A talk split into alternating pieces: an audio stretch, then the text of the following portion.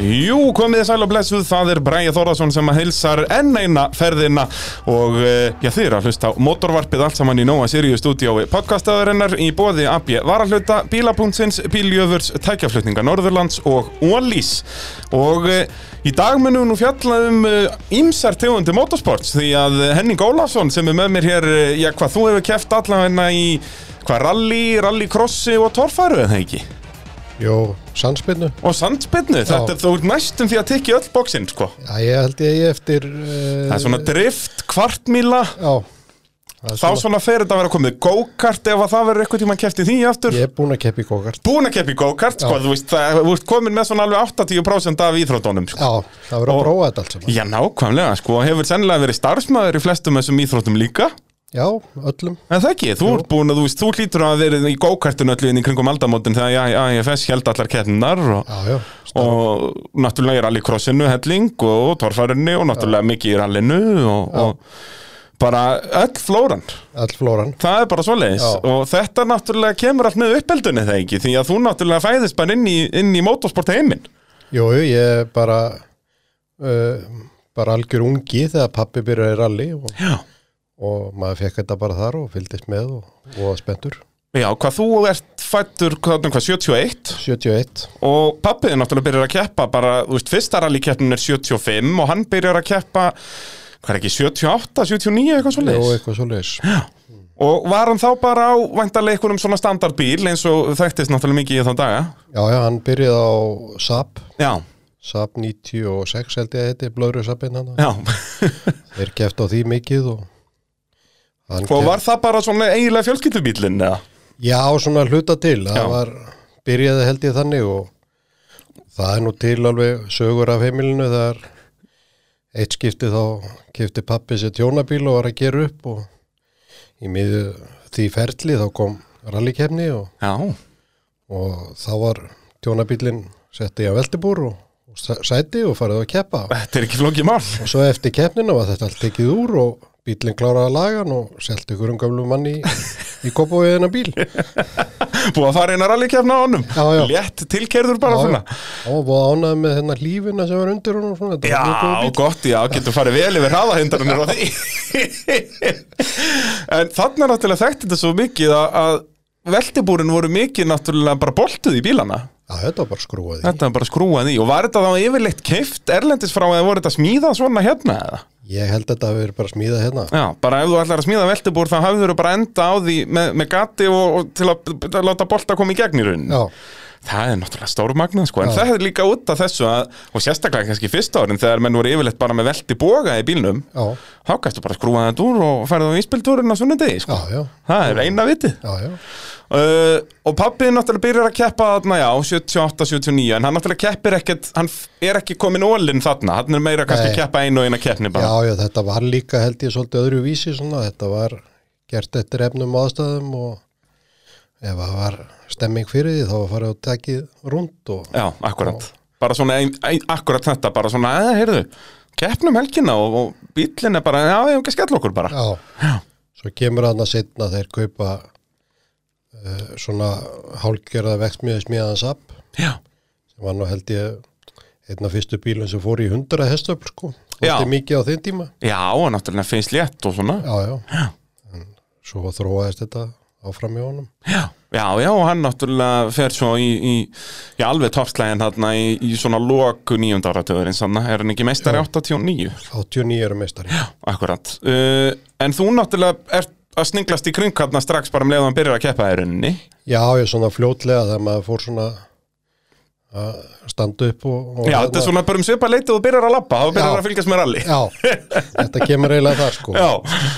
og svona, hvað ég segja, fyrsta minningi mín úr, úr rally eða úr motorsporti er bara þarna var ég 10, 11, 12 ára gamall og þá var ég í tímavöslu með pappa austur í Gunnarsholti já, þar stóð ég á flaggi og pappi við tímabílinn og þar kemur Ómar Ragnarsson og, og bróður hans Jón út af og það bara á runóinu með það ekki Jú, þannig, er þetta ekki bara jú. upp úr 80 eitthvað svona eitthvað svo leiðis og Ómar gaf sér tíma til þess að lappa upp að þessum litla flaggara þarna sem stóðu þarna valla upp úr grasinu og tilkynnti með það að hann væri sennilega, ég væri sennilega minnsti flaggari sem hann hefði séð um æfina og mér fannst þetta bara stór merkilegt að hetjan myndi gefa sér tími í það að mæta þarna Já. og þakka fyrir sig eða hvernig sem við höfum orðað Já, akkurat, sko, Ómar náttúrulega var bara frægur sér þetta, náttúrulega er bara frábær karakter og, og Já, já, já. bara svo magnað, þú veist, út að ég held að margir átti sig ekki, þú veist, eins og mín kynnslu átti sig sennilega ekki alveg á því, sko hversu magnað var að hann var að keppa semst ólinn í rallið þarna í tíu ári röð að út af því að á þessum tíma er hann líka frægasti maður á Íslandi, skilur hann er, þú veist, vinsalasti uppistandarinn hann er vinsalasti tónlistamaðurinn, hann er vinsalasti fréttamaðurinn já, hann var allstaðar hann var bara allstaðar Já, og, já. og var að keppa í ralli og þú veist að það var frækt eins og ég hef oft talaði um hérna í þáttunum skilur að eftir keppni þá var hann bara með uppistandi velunarvendingunni bara úr einhverju prógrami hjá sér skilur Já, þetta þekktist þarna á þessum tíma man, man, ég man líka bara svona fyrst sjálfur þegar ég fór að fara á böll og velunaftingar og annað já, þá var reyndar Ómar hættur en Jón bróðurnas tók þetta við og það var oft og yðurlega var Óm, eh, með, Jón með ræðu já,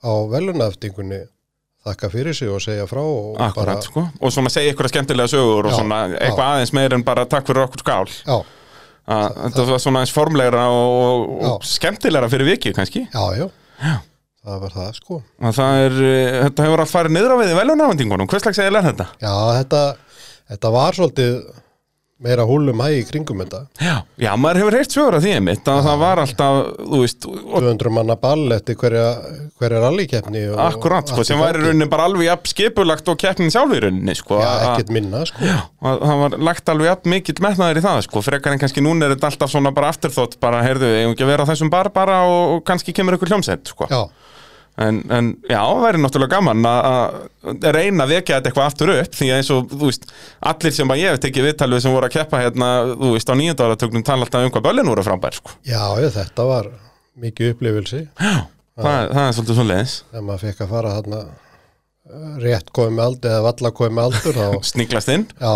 þá var nú vitna ímusu sem að maður kannski mætti alveg láta gjurt líka, sko Já, fínt að vera ekkert að tala um það hér Nei, mm, En hérna, já, eigum við þá ekki bara að hoppa beint yfir í þarna þegar að Já, pappiðin er að berast um titilinn, er það ekki svona jú, jú, ég, viðeigandi eða? Ég er svona fer, fer kannski meira á þessum tíma þarna 85 sj- til 87 Já, þá er ég að sníkla svolítið í kringum þetta í kringum þá fæ ég að fara með í service hér og þar og, já, já enda þarna þá orðin, hvað, 16, 17, já, ég, nei, ég er ekki 17 fyrir 88 88, já, ok, er þetta 15, 16 já, já, maður fær að fara með svona einu og eina ferð og, Já, og sem voru náttúrulega ofta æði skrautlegar og þetta voru mik mikla keppnir það var, já, já, það var verið að ralla til dæmis kjöl frá Gullfoss og að hveravelli já 90 og eitthvað kílómetra í einni sjæleið sko. Já, og bara það var, þú veist, frækt að hérna svona miðsumasrallið var oft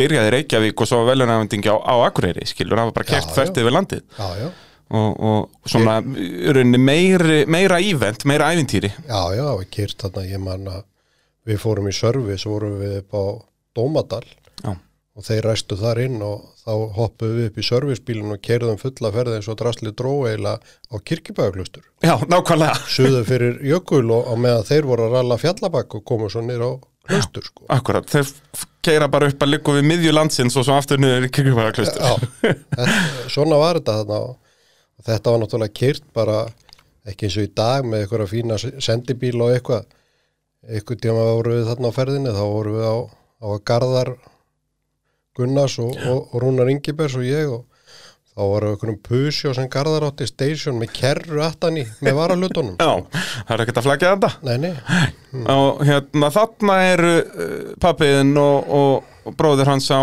þá á eskortinu með eitthvað já, og, og er að keppa á honum, þeir keppa alveg á honum hvað í 2-3 ára allavega ef ekki meira meira, meira, 5-6 ár Og svo koma, já eins og bara Garða Gunnar sem var hérna fyrir nokkru vikum síðan talaði um eh, koma að bestu bílaviðskiptum Íslandsugunar. Já, Er það ekki svolítið svoleiðis? Jú, jú, þetta var svo leiðis Allavega bestu rallybílaviðskipti Íslandsugunar. Já, já, Að hérna, þá er sérst Ólafur Sigurjónsson og, og, og Siggi Bræi. já, Þeir skiptum bíl. Já. Sigurður Bræi Guðmunds fer á, á eskortinn já, og uh, pappið þinn fær talbótinn sem, Já. að- sem að Siggi Bræði var á Já. og fyrsta rall, sem sagt, þetta er fyrir 89 tímabilið, 88 Já, þetta er 89 89, Já. fyrsta rall Lingdalsenarall Já, og báðar þessar áhafnir bæta sinn besta tíma um, þú veist, 30 sekundur eða mínútu eða eitthvað Já. yfir fyrstu leiðin já, þá bara einhvern veginn þessi eskort hentaði sigga bara miklu betur, hann svona kannski meiri svona smúð ökumöður og svo leiði sko Já. að meðan að svona talbótin sem var stuttur um milli hjóla og svona var bara ösku fljótur í höndunum á pappaðinu já, já og það er náttúrulega uh, tók smá tíma fyrir hann að ná að höndla hennan bíl sko Já, og ég enda náttúrulega bara, þú veist, 280 hæstöfl og allt að gerast já, já, og, og eins og segi, mikið steyttra á milli hjóla og, og, og svona bara miklu meiri græja í rauninni já, já, þetta var náttúrulega allt úr plasti og já. hurðar og allt saman þetta var allt plast á þessum bíl já. og bílinn sálu pingu lítill, ég meina hvað var þetta í vikt var þetta ekki bara 800 kíló eða eitthvað kannski 900, minnir að hann hafi verið eitthvað rétt rúmu 900 já, nákvæmlega Að það er bara, þetta er go-kart bíl bara já.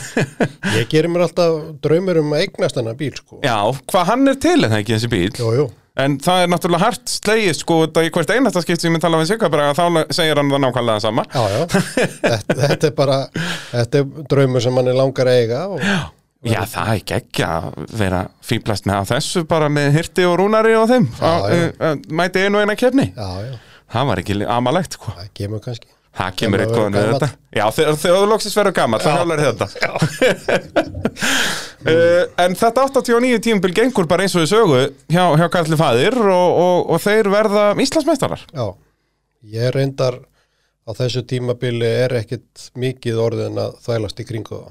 Já, hann er þú bara orðin hipp og cool, komið bílpró og, Já, og farin að hugsa um mikilvægur hluti en motorsport. já, já, finna mér eitthvað bíðan aftil að spóla. á Ég er einhvern og svona. nákvæmlega, sko, maður verður að vera svolítið hipp og cool. Já, Það er líkiladrið. en þarna á sama tíma fer ég eiginlega yfir í servistæmi. Ok. Ég fer í service í torfæru Já, býtu hjá hverjum þá? hjá reynir sig á kjúklingnum. Já, varst þú í hans krúi? Já, Ég vissi það ekki. við smíðum sem sagt, smíðum fyrsta torfærubílina sem var sem sagt áður en hann er á kjúklingin. Mm og smíðum hann þarna held að það sé 89 Er ekki kjúklingurinn kemur hann ekki fyrst 91? já, þá er þetta sennilega 90 Gæti verið. uh, þá förum við sem sagt og smíðum þarna bíl upp úr gömlum bronko afgöngum og Já. þetta var ægileg græjað okkur fannst 302 mótor og Úf, þetta var saumað allt saman og þetta sauma förum við til Svíþjóðar fyrsta, Alveg rétt. fyrsta sinn sem torfara fer út fyrir Ísland býtu, já, er það ekki... ég held að það sé Það er 90 90 eða ekki, og svo var aftur farið 92. já, Mér minnir það sem svona leiðis. Já. Þetta var alveg rosalega upplifun að fara þarna út út af því að þarna var ekki internet eins og við þekkjum í dag. Örfáir aðeinar höfðu séð þetta eitthvað á myndum og Já, bara úr einhverjum hvað tímaritum eða eitthvað, við Já, sendum einhverja ljósmyndir út bara og þeir Já. bara, "Ey, þetta er ekki annaður. já. Og við fórum þarna út og ég man alltaf þetta er upplitin á svíjónu þegar við íttum þessum ófreskjum út um gámanum. Sko. Út af því að þeir stóðu bara hristu hausi, hvað, hvað ruslarúur eru konið með hérna? Já. Þetta leitt svakalega vel út af myndum, sko, en svo er þetta bara, heyrðu, þetta eru bara einhverja bronkogrindur með einhverju pínu eldibúru ofana. Já, já. Og búið að setja eitthvað smá uh, uh, blikk og, og bárujárn utan að þetta. Já, já, svo var þetta þannig sko að við fórum náttúrulega og lögðum brautir og Já, já. okkar vísu og, og tókum vorum búin að þvæla þarna einhverjum til að taka þátt líka svíjónum með okkur. Já, er það ekki? Það voru einhverju nokkru villisar eða eitthvað aðna með það ekki frá jú, jú, Svíjónum. jú, jú, Volvo Laplander og svona Já, ímislegt sem að algjör eða all. Já, já, hann datt á liðina eða framfyrir sér til hvað hótlinn var stór sko Hvernig landið liðið, það Já. fór eftir Já, því já. hvernig hann vald. en við náðum einum hann vorum búin að finna þarna svíja sem átti einhvern jefster og sem okkur fannst mikið og voldugt tæki og, og við smöluðum saman skópludekkjum Já, varadekkjum hjá nokkurum og já, vorum búin að þvæla honum að hann myndi keira í sérútmálflokkum akkurat. svo var þetta skrúa undir á manninum og hann eiginlega fölnaði upp og láfið að hann hætti við hann var svo bara þegar hann sá bílinn sinna á þessu og þá leist honum ekki meira en það á það en svo var eh, fyrsta braut eh, var svona upp eh, ská hliðarhalla í sandi Þannig erum við, þetta er í svona ljósum sandi eða ekki þarna Jú, þessi grifjur. jú. og hann var komin svona kannski tæplega helmingin upp brekkuna þá brustu kúlunar og hann eiginlega bremsaði meðri brekkunni og vald niður líðina. Já, við það að hika. Já, já, sko, hann bara, ég orsinsviltu merkingu þá bara var þarna algjörð gjaldrótt í því og, og hann bara bremsaði og hann keirði ekkert meira. Nei, ég man eftir þessari klippu að það hérna, út að þetta er mjög auðalegt skilur út af því ef hann hefði bara haldið áfram bara með þetta- hægri fótinn í botni hafði hann farið upp sko, Já, já. bara ekki spurning hvort hann hefði hitt á endarliðu eitthvað einn maður ekki en hann hefði allavega farið upp Já, já, en þarna, eins og segir, það er, það er yfirleitt verra að hika já, já, þarna var þetta sko og þeir gildi ekkert í því svíjani hvað við ætlum að vera að þvælast upp þessa brekku, við kemist aldrei þarna upp Já, já, nákvæmlega og allir fóru þarna upp og Já, þetta var eins og segir, þetta var líka svona fyrsta frétt þetta var bara brekka í runni, þannig erum við ekki byrjaðir í börðunum og stálunum sko. neini, neini, en svo kom það setna já, já, þetta var upplifun, þarna var til dæmis hann Stulli sem var nú hérna, Sturla Jóns, já, hann fór út með bílinn sinn bara eiginlega í bútum. já það er svo leis Já, hann nefnilega var uh, bara helgin áður var keppnið henni upp í Jósustal og Stulli sprengdi mótorinn í apparatinu Já. og það, Það er var, hann að guðli viðbjóðurinn hann að Já. gefa eitt langi bílinn. já, og það var farið í einhverja ruslarhúu aukstaðar hérna og fundið mótor í lægi og þetta var bara slakað honni þessu ítt og inn í gám, það var ekki búið að tengja eina einustu skrú Nei. eða setja henni eitt í þessu og bara mok- Algjör á þarfi. mokað í og, og svo var náttúrulega frekar stuttu tími frá því að við fengum sem sagt gámana Já. fram að keppni Þá þurfti hann að fara að setja saman eitt torfarubíl. Já, við gerðum það þarna, við fórum nokkri með honum, hann var með ykkur service eins og við og flestir, ég held að ég var einn með reynu til dæmis. Já. og, Var þetta ekki mikið svona, kannski Jó. tveir til þrýr menn maxa hvert já, bíl? já. Og ég fór með stulla á samt ykkurum fleirum og við settum þetta saman um nóttina. Já. Svo var náttúrulega upplit á svíjanum og stulli náttúrulega svolítið kvatvís, Jú. einstaklingur og, og þarna var verið að keira sem sagt við vorum á ykkur tjaldsvæði gistum í tjöldum hérna og það var alveg útleið Já, já, já. Víkingarnir komið til Svíþjóðar. Já, og svo mættu svíjarnir með einhverja kerrur og einhverja bíla til að draga þetta á keppnistað. Já. Það við vorum ekkert á sama stað á keppnin var, það Nei, var nei. einhver, einhverju kílómetra á milli og, og stulli var síðastur í hópnum sko, var nú ekki tilbúinn alveg og, og honum leittist eitthvað byðin og, og þegar svíin sem var með kerruna var að koma að sækja hann, þá mætir hann bara stulla á þjóðveginum, á skóplundekjunum, á grindinu og leiðin á keppnistað. Hann ætlaði að keira þetta bara upp á svæðið. Já, maður, hann ekki rúlaði mál. bara át orðfæri bílum upp Já, á og svæði. meira þess að á skoplutekjum, sko, Já, ekki á já. bara skurðarkífunum hérna, kvöldardekjunum, nei, nei, nei, nei, nei, nei. Nei, nei. Þetta, þetta er mjög Sturla Jónssonlegt Já, já, að að hjóli þetta. já. Þarna heldum við tvær keppnir og bara, mér varst virkilega gaman að vera í þessum hóp sem fyrsta sinn fór þarna. Ég ekki trúa því, er náttúrulega fyrsta skipti sem Íslensk torfara fer út fyrir landinna Já, já, og líka kannski á þessum formerkjum að það var engin búin að sjá þetta. Já, akkurat, það er bara allar hökur í gólfið um leiða að opna trailerana bara Já, og alveg sama hvað maður kom, sko, með, fólk bara hristu hausinn, sko. Já, akkurat, út að þú veist, þetta er líka svo steikt hvernig torfaran er að þetta er svona þetta er fullt, sérst, hvernig bílarnir eru smíðaðir þetta er a- fullt af hlutum sem eru hannaðir í eitthvað allt annað heldur en torfæru Já, já. og bara blanda saman, bara stórva fátamótor, Já. einhver jeppagrind sem er búið að taka allt utan af, Já. þú veist, dekk sem hönnuður í sandspyrnu Já. og svo hefur verið að fara að röra upp 90 gráð brekkur á þessu. Já.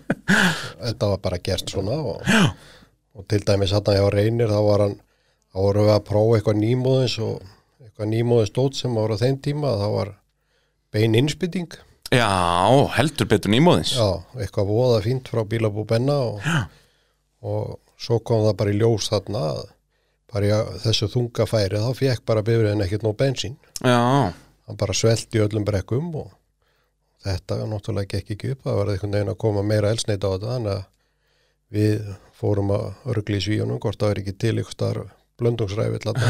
er ekki til ykkur preddi hérna? já, og, og vorum aðalega að leita að bretta sko, Já, já, sem var náttúrulega aðal græjan á þessum tíma já, heldur betur. og þá segir eitt svíin ég á svona á jeppa heima Ok, Já, ég sagði, getum við ekki kiftið þetta að þér eða eitthvað? Jú, jú, við bara græjum þetta.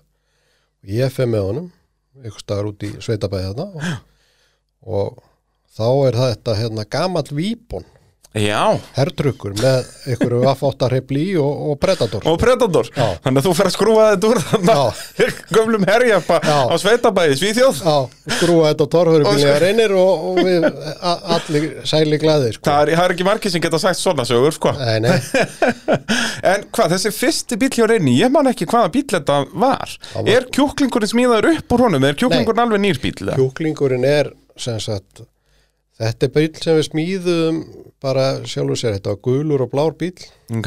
hann kefti einhverja eins og ég sé, einhverja þrjár Og var þetta grind? Eða var Já. þetta, ok, ok. Já. og, en svo fórum við það að smíða kjúklingin Fyrir, ég, er það ekki fyrir 91 tímbil, ég held það. jú. þá við smíðum hann sem sagt við förum í bílskur hérna í- á höfuborgarsvæðinu hjá honum Sverrir Tattu Jáhá, hann átti bíl sem hétt Göldurinn á þessum tíma alveg rétt. Já. og við rýfum göldin og reynir kaupir af honum sem sagt grind og hvort það voru ekki hásingar og eitthvað undir því, minnum mig en ekki með vélega skiptingu eða neitt Nei, Sverrir átti einhvern spari kvartmílumótor hann á þessum tíma og, og svo kaupir reynir einhvern mór- mótor í þetta og, og þá er kjúklingur smíðaður upp úr þessu og kjúklingurinn náttúrulega þessum tíma var bara eitt flottasti torfarabílinn.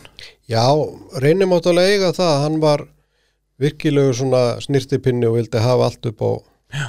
og það var eiginlega frægast þegar við vorum að smíða þessa bílak og maður stundum bara búin að punkt upp ykkur að festingu og gera og snikka til ykkur jafn og maður var að græja það og svo kom maður aftur þá að búa að mála það en það átti eftir að sjóða það kannski Það þarf að líta vel út, sá til. það, það var á tímabili sem við tókum bara af honum penslana Já, sko. það ekki, Jú.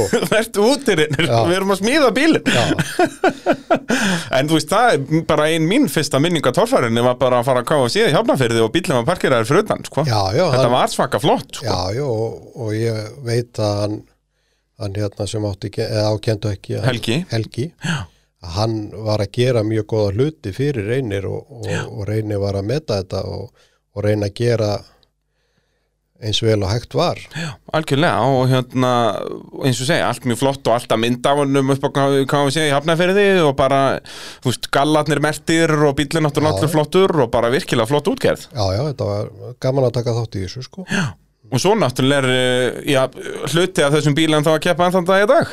hann er ennþá til sko Já, ég, það er svona, ég held að það sé einn meter af grindinni í miðjunni sem er ennþá orginal já. og mest allt ekki ennþá Nei, orginal. það sagði mér það einhvern tíð að það væri svona cirka meter eftir að Já. undir sætinu Já, já, það er alveg, þú getur fann að skoða, ég bý bara næst þegar þú fer á torfærakeppnu, þú myndir Já. alveg þekkja hann að neina metur úr grindinni, sko. Bóttið En það er búið að skera eins og segja, það komið sér sko fram og afturendi og, og búið að skiptum öll hinn rörin sennilega svona þreisvar fjóru sinnum. Já, ætli sé ekki tíu sinnum Já, hugsanlega, gæti, gæti sennilega. hugsast Já. með að hvernig það þróast allt Já, saman já. þarna. Það er nákvæmlega svo leiðis. Já. Uh, mótorvarpið að sjálfsögðu bóði tækjaflutninga Norðurlands uh, eins og venjan er. Þannig ef að þú hlustandi góða þarfst að láta flytja eitthvað landsvotnan á milli, hvort sem að það séu bara eitthvað landbúnaðavélar eða, eða bátar eða bara fólksbílar eða trukkar, þá er um að gera hafa samband við tækjaflutninga Norðurlands. Uh, eftir þetta torfaræfintýri, þá ferðu svolítið í rallycrossið eða það ekki? Já, þarna í, í millitíðinni fer ég eiginlega í keppnistjórn aftur. Ok, Ég gerði það í Björgunarsveitinni í Keflæk. já, já.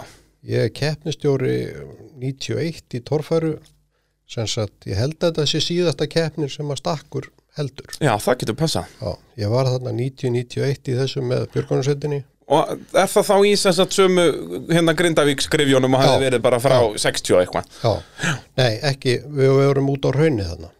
Ok, Já, hjá Gísla sem sagt, austan við Grindavík, ekki, ekki það sem alltaf var Torfæra ok, ok.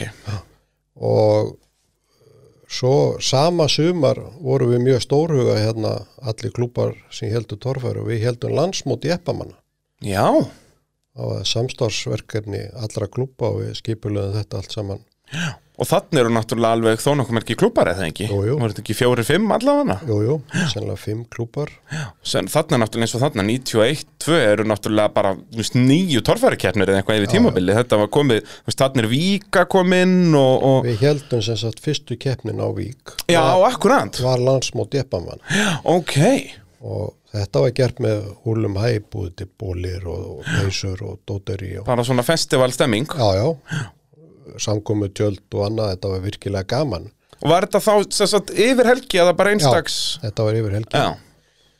uh, eini gallin við þetta sem er náttúrulega kemur að því að þetta var haldið í Vík í Mýrdal og þetta eiginlega ringdi niður í ekki neitt. Já, það er svoleiðis Já, þetta var, Það var ég held að þetta sé blötast ótilega sem ég hef farið í. Sko. Já, og þú hefur verið duglegur að fara í útilegur þannig að þetta hlýtur að vera helvítið slæmt Já, sko, þetta var náttúrulega sko, blötast ótilega útvorti, sko, ekki Já, ekki innvortis, já, það er náttúrulega that goes without saying sko. Já, en þetta var mjög gaman að taka þátt í þessu og líka að starfa með allt öðrum einstaklingum heldur um að maður hafði starfað með. Já, Þarna komu menn og akkurir í eigirstöðum annað og við hópuðum saman um að gera þetta flott, sko. og þarna var sérst keft í torfærukeppni og var það fullt af einhverjum öðrum viðbyrðum líka eða hvernig var þetta Nei, sett torfarikefni var nú eiginlega inn í viðburðinu, svo Já. var bara svona eins og svona maður sé- sett í kringum þetta í rauninni Já, svona bara festivalstemming, sko.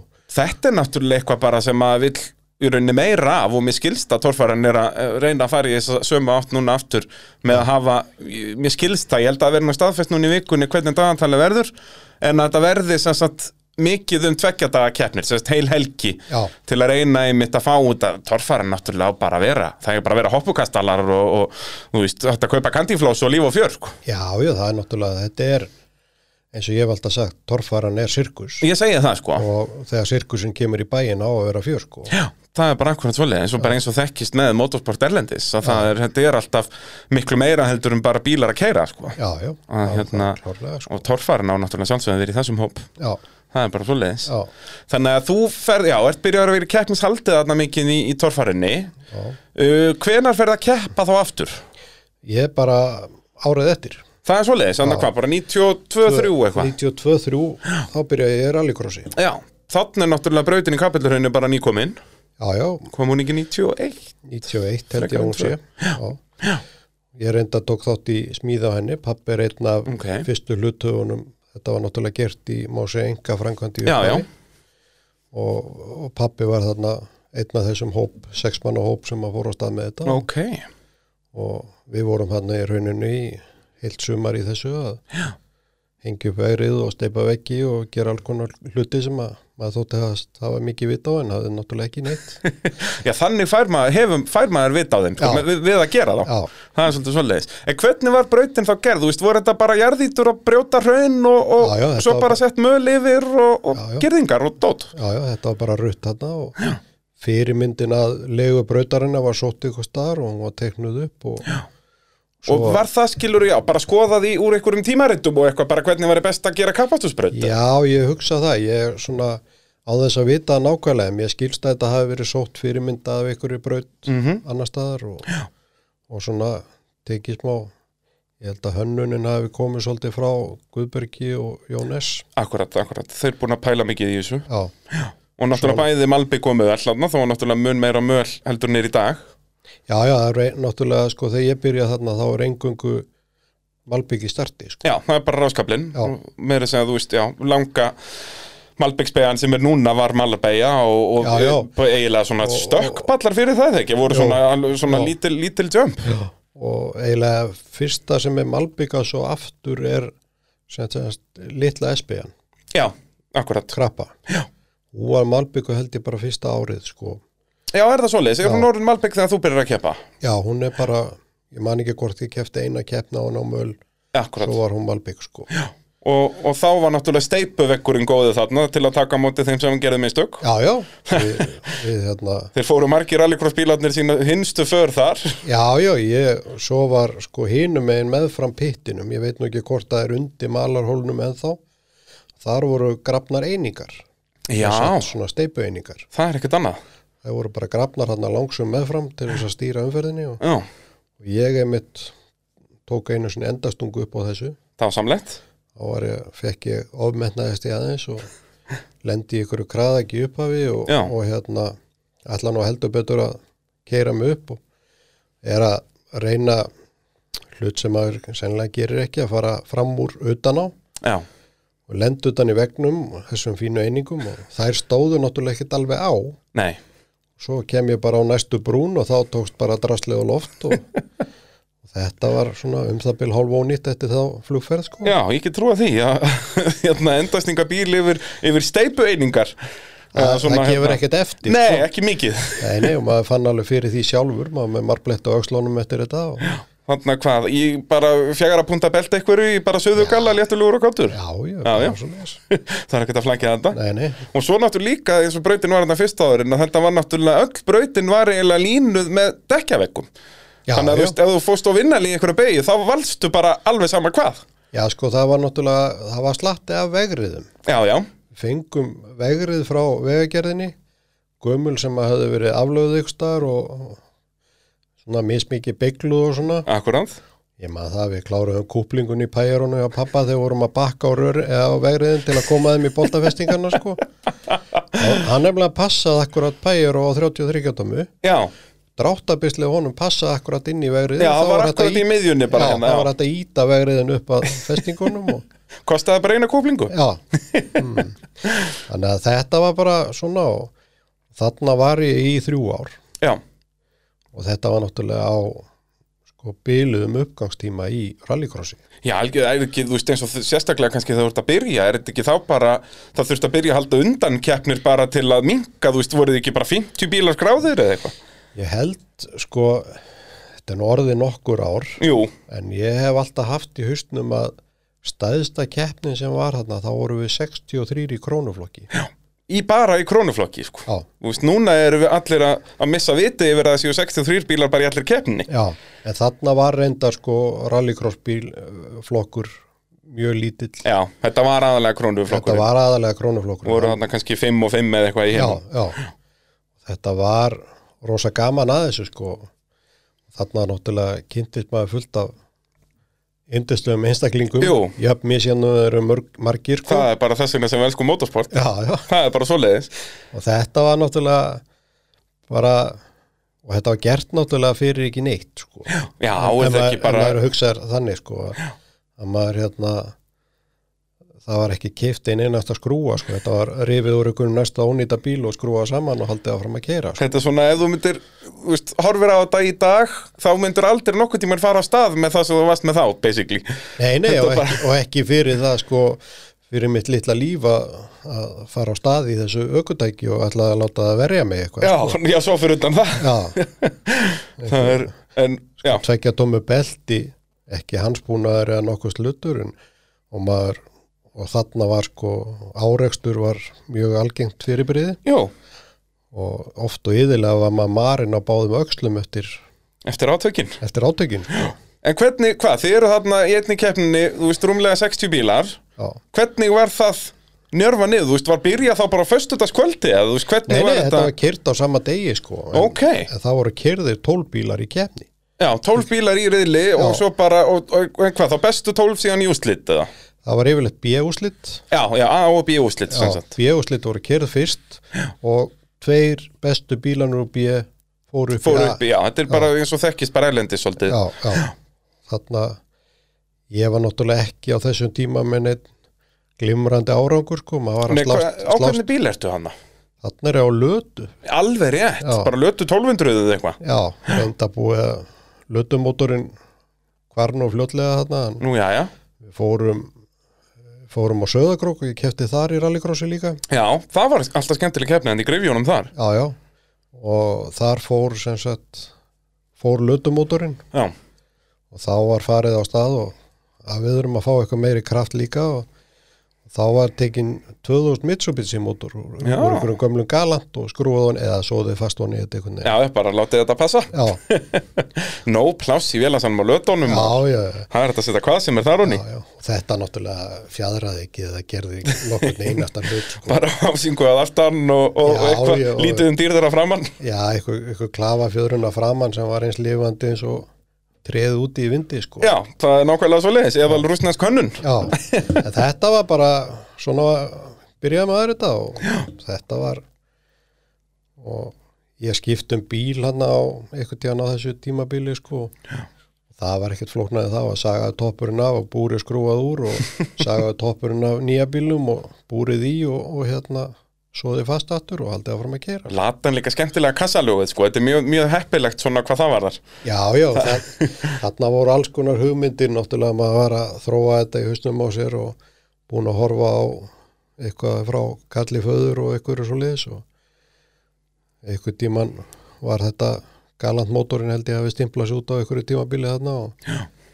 þá vantaði mótor og náttúrulega eins og vant er ekki til auðra fyrir því Nei, nei, þá var ég svo heppin að hann Gilvi Haugs félagi minn kefti hérna inn í sölunend varnarlegsegna einhverja gamla seliku já, já hann var svo heppin að hann fekk að kaupa hana en ég held að hann hafi ekkert fengið af henni Nú það er svo leiðis Nei, við Þetta notum- fór allt í þetta fór allt í þessa villisi hjá okkur og, og við heldum áfram að þá var settur í hann sko 2,2 Toyota mótor Já, og þetta móðaðist alveg áfram og, en höndlaði ekki held ég aðeins minna sko. já, það er því meira afl því verð fór þetta að höndla basically Já, já. Það er eins og oft vill vera bara já, já.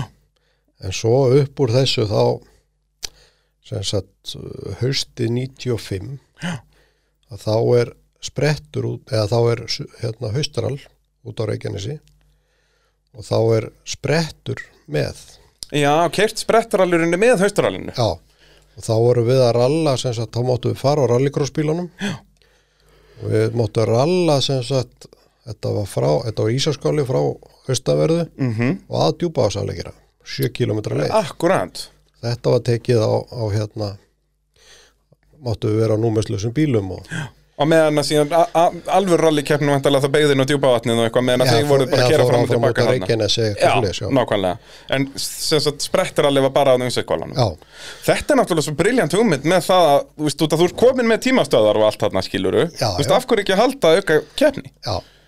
En þarna fór tíður Gilvi Hauksson með mér sem átti náttúrulega mótorinn í bílum ef, Jú, að- jú. Ef, ef við förum út í það og það var náttúrulega eina sem var gert þarna við vorum ekkert að stressa okkur mikið á þessu og að það var skrúið hurð á hann þannig að Gilvi kallinn kemist nú inn og út og, og sett fyrir hann sæti og, og belti sko. Já, en meira var það ekki Nei, Nei, og þetta var náttúrulega rúðulöst og allslaust og, og hérna eins hrátt eins og var búið, var búið að saga úr þessu allt sem hægt var að saga og, og við fórum á þessu apparati út á ísóskála og en þarna kom sér eh, svona fyrstu kynni manns af kannski ekki nótulestri en þekkingu á leiðinni akkurant Gilvi bjó í Grindavík búin að vera á þessari leið eiginlega frá því að hann fekk bílpró og við sigruðum hennar sprett Það er svoleiðis, á handónýtri lötu það er ekkert annað hún var eiginlega sko, hún var það ónýta eftir sprettin hendu henni. Já, það er svoleiðis, hún út í Ísaskálinn kláraði hann endanlega Já, já, við náttúrulega kerðum þetta, komumst rosalega hratt áfram en það var svona, uppgötuðu það svona eftir svona 23 km var hann orðinn bremsulegs, Já, þannig að þá var bara að kera. og þarna náttúrulega er Ísaskálinn já, ekki alveg að bitna breyður og hann er í dag Nei, nei, Þarna er þetta alveg rallileið bara þröngt Já, já. Og, og stökk og, og breyður og allt að gerast já, já, þetta var og eins og maður segir, þetta fjadraði ekki eða gerði nokkuð skapa hlutan að við vorum meira minn í loftkostum í ykkur flugi og rugli og yllísu og, Já, og það síndi sín og reynda þarna eins og, eins og frækt er orðið að þegar svona rallycross mönnum er hleyft út á beina vega þá voru þeir þarna um alla móa já það var ekkert vegrið, það Það var var ekkert eins og- vegrið þarna til að stoppa það sko Var eins og vökuportið þarna bara á Já, já. reykjarið sinu já já, þarna voru menn um allar hæðir og hóla og Já, enda ég meina hvað voru margir, voru þetta ekki alveg, þú veist, 15-20 bílar eða tuttugu eitthvað bílar allar og þú veist, kannski helmingur þeirra sem kláruðu og hinn er enda út í hraunni já og þarna fóru við fyrst saman ég og Gilvi og já og þegar áttu hún eftir að fara, fara ansimarka keppnir eftir það sko það er nefnilega tveir Gilvar í sögunni sko Já, það er svoleiðis þessi heiti Gilvi Haugs og, og með mér og, og við fórum sem sagt um veturinn, fórum við á stað með alveg þá drauma að við værum sennilega bestu rallymenn á Já, Íslandi, bara- búin að vinna sprettinn Búin að vinna sprettin, bara hva, hvar fer ég í vaffir sé og, Já. og, og, og klárum það Já, og við förum sem sagt og kaupum okkur rallybíl Já. kaupum okkur Nordec Corolla Já, svona tvöngkam já, og förum hann 96 sumarið á stað Já. en í millitíðinni lendum við því að sá sem ætlaði að borga og sponsora okkur, hann hætti við og eins og hann er og Það var samlegt Já, þannig að við vorum eiginlega konur í hálger þrótt þarna bara eiginlega fyrir tímabili peningalega séð og Já, skröldum nú þetta tímabil og seldum svo tvinga minn árið eftir. Já. Áttu nú engan svona sérstakan árangur þetta sumark og en skiluðum okkur nú yfirleitt í mark og náðum okkur í smá reynslu og hvað hver er meistari þarna? Er það steinipalli eða? annarkvort steinipalli eða Hjörtur og Ísak. Hjörtur Ísakur 95 Já, þetta er 96. Já. ætla að sé þá ekki steinapalli bara það getur ég manna ekki Já, það voru allan að báðir hann Þeir voru Nú vel voru þeir báðir, nú þá er, nei, jú, býtu, Hjörtur og Ísak ná ekki titlunum 95, þá brotnar afturdrifið Já. og ná titlunum 96. Já, Svo fara þeir á, já, alveg rétt. Já, það er Hjörtur og Ísak. já, Á þeir fara grænu. þarna í mitt og, og hérna, ég reynda misti af fyrstu keppninni Já. Tók að með fingur þarna í vinnu skömmu fyrir þá keppni og, En það er ekkert annað. og þannig ég gat ekki farið en Gilvi og fór og við náttúrulega fundum bara bílstjóra með reynslu og pappi keyrði. Já, það er ekkert annað. Já, Það er, og þá er hann náttúrulega ekkert búin að keppa hvað í fimm árið eða eitthvað. já, já, Hættir hann ekki hvað bara 91 eða 90? 90 Já, akkurat. Þannig að hann var dreginn hann út úr í tærmyndi eins og maður Já. segir. og það kom svo aftur setna um sumarið og þá var komið að söðakrokk Já. og við drenginir áttum ekkit í vasanum til þess að fara að púla okkur á krókin Já. og þá fær pappi og Garða Gunnars bílinn okkar lánaðan Já. Norður. þeir keftu fyrir norðan sko. Og hvað er það þá ekki bara síðasta keppni pappaðins eða? Í rally? nei, nei, svo fara þeir á klíón setna A- nei, klíón Nei, klíjónu fyrr. já, Er þetta ég hugsa að þetta sé síðasta keppni hans? nei, Nú? það er lengra í sögunni Nú, já, já, ég Já. býð spenntur. já, Þa, það er bara svo leiðis. herðu, en við seljum sem sagt hann um haustið Já. sjáum það bara með það að við við erum ekki menn til að gera út rallybíl Já, og ég sel bílinn og Jómbi kaupir hann alveg rétt. Já, en Jómbi keft, kefti aldrei á þessum bíl. Nú? Hann selur hann aftur um veturinn. Já. þannig að þetta er ekki kórólan sem verður gul hjá Jómba. Nei, Nei. og í staðin fyrir upp í þetta fæ ég þessa frægu ofurlötu sem var til. Akkurat. samöruna. Já. Og ég fór eitthvað að dútli þessum veturinn og enn og gaman að fara einu og eina og eins og gengur að gerir, dellan alltaf til staðar og, Já. og vorið 96, suðunisali, þá fer ég á þessari lötu. 97. þá. 97, já, Já, já. fyrir að þá fer ég og pappi með mér sem kóari. já. Það er eina skipti sem að við höfum sest saman. Já. Og við förum hann á, í söðnisarala á þessari ofur löttu. Já. 1500. Og var það þá ekki eiginlega bara líki fyrsta skipti sem pappiðin var kóari eða ekki? Hann var nú Nei. yfirleitt að keira. Ég, ég spurði hann að þessu núna, hann ásennilega tvö önnur skipti Ok. sem hann fór með Braga Guðmus. Já, það, hvað bara á landsernum? eða? Já, ok. Húsavík einhvern tíman og eitthvað. Bara eitthvað 80 og 3 og 4 eitthvað Já, svo leiðis já. bara. Já, akkurat. Þannig að hann var orðin kannski pínur yðgæður í nóttulestrinum. Já, við vorum nú ekkert að velta því, því fyrir okkur. Nei, þarna. ég auðvitað ekki. Nei, nei, þetta var nú bara svona Bara fekkarnir að keira aðeins? Já, já, við náðum reyndar ekki að klára þarna og miður klefa þanninu, gufu stimplanir upp í hriflinum og, og svo hérna var þetta nú lagt á hilluna og eh, hvort það var sama, eða neða sennilega sumari eftir, þá lána ég bílinn Ok, og ég ringi í Gilva, við áttum þetta náttúrulega saman og ég sagði, heyrðu Gilvi, ég er búin að leia bílinn í Suðnisarall, árað eftir, já. Og Gilvi segi, já, ok. Ég sagði, já, bara gjaldið það, mótorinn í honum verður lagar og annað, þetta verður bara söluhæft fyrir okkur. Já. Já, já. Og hverjum er þetta að lána þetta? Gunnar Áskis og og Óskari Sólmundar. já. Ertu klikkaður? en nei, ég er búin að semja um verða á honum með reyðileikjan. Já, ok, hann er sem sagt seldur. Erðu að það stóð alveg á því, sko. Já, er það ekki? Jú, jú, ég var náttúrulega dreigið með í service til þess að halda þessar Já, útgerð. já, gangandi. það þarf að halda, halda vitinu fyrir þeim. Já, en á miðju djúpavatninu þá kútveltaður þessu Já, og ég kem þarna að og og sem sagt bíllinn liggur á topnum og aftur hjólastelli var langsum undir honum, ekki þessum þeir eru grækt í eitthvað grjót og náttúrulega dýllinn var í uppa við það bíllinn ætti að vera í gangfæru sem sagt var alltaf að tala um að hann var í gangfæru, Já. mótor í lagi já já, við tökum hann að svingin og komum svo lappirnar aftur og Gunni tegið sér inn og startar í gang og drepur svo og réttir með líkilinn gjör svo vel, takk fyrir lánið hann rýkur í gang. En þeir félaga náttúrulega borguðu bara bílinn og Já, við já. vorum laus, lausir úr, úr hérna Og lötu vitinu. já, já, þeir rifu þetta svo og nýttu þetta ég held að Óskar hafi notað þegar hann fór að tvinga mig, ég held að hann hafi notað fjöðrunin úr lötun í tvinga mig Já, og eitthvað ok.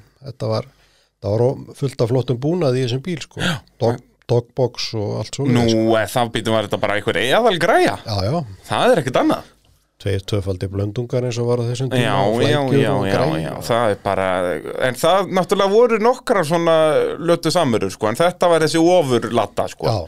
A- a- Út að það var bara einn sem var svoleiðis Það var ekki Já. búið að senda dogbox eða neitt í Var Nei. þetta ekki mest bara hérna orginal og búið og Stengrimur búin að smíða einhverja fjörun undir þetta Jú, basically jú, þetta var bara svo leið sko. Já, og, og hægt að kaupa þetta náttúrulega í umbóðinu bara með hlýðapönnur og allt þarna og er það ekki, svona 91 eitthvað svo leiðis Já, þetta var eitthvað svona eitthvað, eitthvað svipað koncept og Nordec fór svo út í og Já, þetta- í rauninni, sko, þetta var bara, þú fórst upp í lötuðum bóða bara, heyrðu, maður bjóða í leðusætti eða, eða rallypakkan sem er náttúrulega geggjað Já, já, þetta er náttúrulega þetta kom, hefur alltaf komið reglulega í þessu Já, einhverja svona nýjungar, svona til að sparka mönnum inn í enda, sko Já, já, þetta vandar líka í dag bara, það er náttúrulega að fara að starta rally útgerð í dag er náttúrulega bara bilaði peningur Já, já, bara, og, og þú veist, bilaður peningur og þú ert samt bara að smíða þér sko, hvað 25 ára gamlan bíl í rauninni, út að það eru þeir sem er ennþá bestir, sko Já, já, Þannig að þetta er svona, já, það er, ég held ég flestir sammálum að það þarf eitthvað að fara að endurskoða þetta já, já, Það er bara svoleiðis.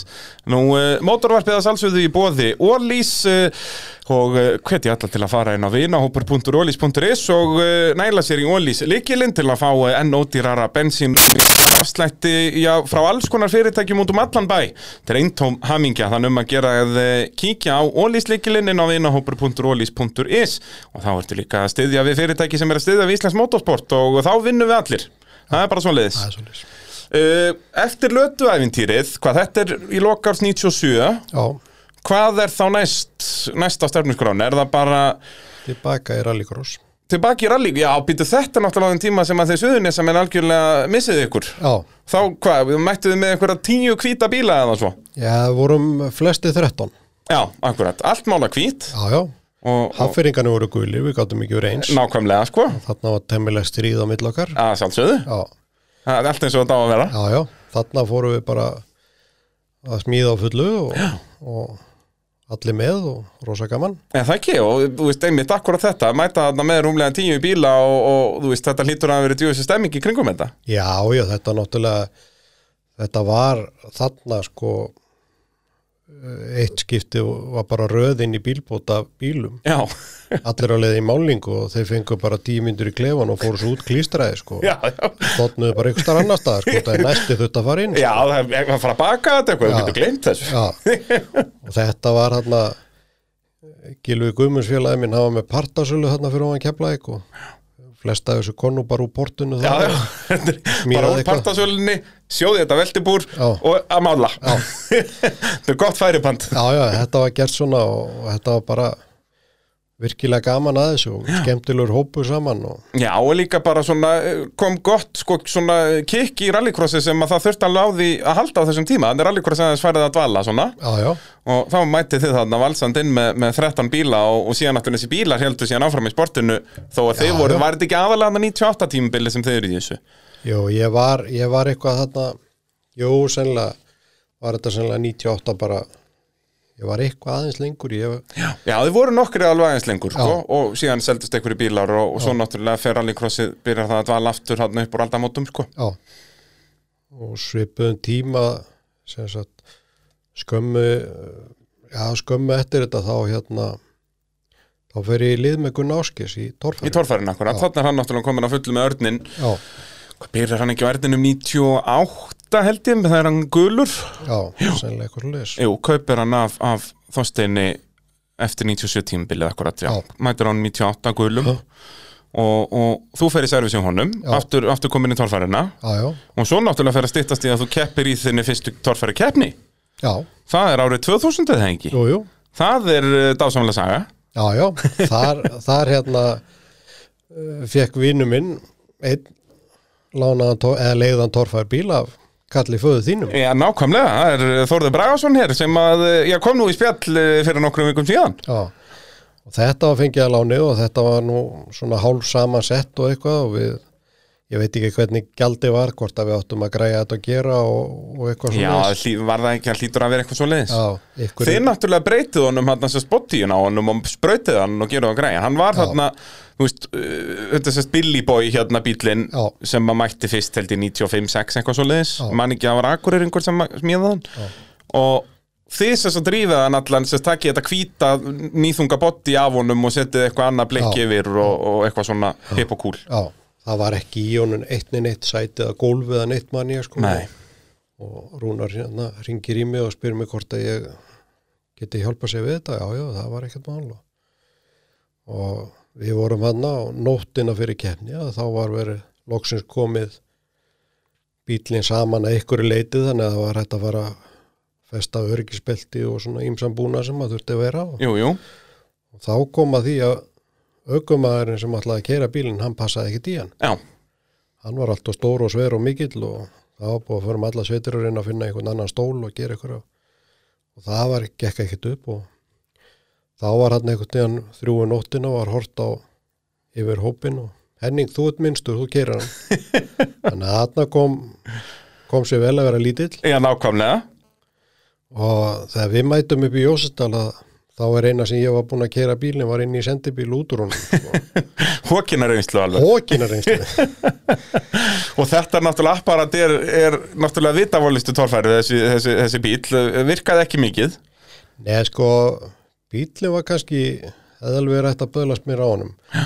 Stæðsta vandamálið í þessu að ég held að stýri hafi verið svona cirka 5 ringi borð í borð. Já, að, að minnsta kosti, sko. Já. þetta var svakalegt sko. Já, og það kláraðist alveg heilt bara af ætlingum bara í þetta. sko. bara að reyna að keira hann bara og þú veist eins og ég mann var ekki tvær tímabrautir eða eitthvað Jú, í jú. brautir í keppni, sko, þetta er bara hvernig glemt þessu, Já, sko. ég, ég er náttúrulega, eh, sko, hvað ég segja, þekkingarleysið og hafa ekkert prófa bílinn fyrir en bara þannig morgunin kom náttúrulega í ljós bara strax í fyrstu braut og fyrsta hól setti ég hann bara á bumbuna og Já, já. satt þar spólandi eins og fýtt maður sko. En svo náttúrulega fór maður að eflast og, og hérna endaði ég meiri þess að ég held að vera í síðustu braut sem ég náði að setja hann á topin sko. Já, nákvæmlega, það er líki latrið og ætlar að fara að keppa í torfæri Já, það var reynda tilkomið að því að þegar ég kem út úr þetta var tímaþrönd og þegar ég kem út úr uppi og er að rata á móti að þá eru ringinni bara aðeins og margir svo ég næði að klára það á fæslu sko. Já, já, það er, þú veist, bíllinn var ekki beint að velurna manni til að, að- að vera grimmur í tímabrautum, sko, og þurftir yfirleitt, þurftir yfirleitt að bremsa bara og stoppa til að ná að leiðrétta stýrið eftir í Já, miðjuna, já. sko. Ef þú reyndir eitthvað að vera grimmur og þá varst að fara í eitthvað annað já, sveitafélag, sko. já, þetta var bara um alla sveitir sko. Og þannig að þú fer að toppin enn í tímabraut. Já, Já, var, fer ekki von í eitthvað svona hólu eða Jó, eitthvað jú, djöfull ég þarna? bara fóð fram að ég, bara, ég var ekki búin að stýra nógu langt Nei, nei, þegar, þegar þessi hóla svona kom mjög auðlalegt, Já, já. en hafur eitthvað verið í því? Já, já, þetta var bara gaman Já. reyndar áriðinu áður að þá teki þátt í einu, einu sannspinninu sem ég hef prófað Já, það var tilkomið að því að þá fyrir ég á erninum að skunna í sannspinnu það var nú uh, talsvægt meira hæstöflum þar heldur en í bílibói. já, Það er svinnvirkaði það apparat. já, þá fórum við sem sagt Gunni slasa sig á hellu Já, hann er náttúrulega datt í hug rétt fyrir hellukefnin að fá að prófa krossara þarna hjá sko. félagis já, það ásamlegt. Það er náttúrulega ekkert veldibúr til að uh, verja mann. og hann stúta á sér löppin í þessu á þessu apparati og, og við náðum að hvað ég segja, teipa hann í bílinn hann að hann kefti hellukefnina Já. ég held hann að verið mjög hátt uppi að verka lífum mannað í þeirri kefni Jú, og viku setna var búið að ákveða að fara í sand já, Gunni var náttúrulega enga veginn í formi til að fara í sand þannig að þá tók ég örnin og græði hann í sandspinnu og þú veist, það hlýtur að vera helviti magnað að fara þessu tæki í sandspennu. þetta var, þetta móðaðist áfram Já, það er óvænt að segja það. Já, það var settur á þetta einhver, einhver stór klósett blöndungu til að fá ennþá meira el, elsniti og 509 kúbik og Já, þetta móðaðist alveg áfram. ég ekki trúa því að eins og við segjum, í torfærinu var þetta alveg nógu kraftmikið og svo þegar komið góðu klósettblöndúkur að þetta líka, að þá, þá er ennþá meira bensínu og hamingju, sko. Já, já, ég á, ég á meira sér velun að bygga fyrir þetta upp, í- Já. upp í hillu sko. Akkurat, akkurat. Það er nú ekki amalegt. Það var unni, unni til veluna í, hvað þú vannst til veluna í eitthvað rallycrosskeppni eða ekki? Jú, jú, ég á sigur í kressu. Sigur í krossi, sigur í rally, Já. uh, velun í, í sandspinnu Já. og, og, og náttúrulega fyrsta seti í torfæru. Já, Það er náttúrulega, og mikið af svona skemmtilegu metum, náttúrulega eins og þið feðgar eru sest, bara feðgar nummer tvö sem hafa náð þeim árangri að báðir að vinna keppni sem ökumæður yfir heildina. Já, já. Það er bara Jón og Rúnar og Baldur sem, að, sem eru hinnir. Já.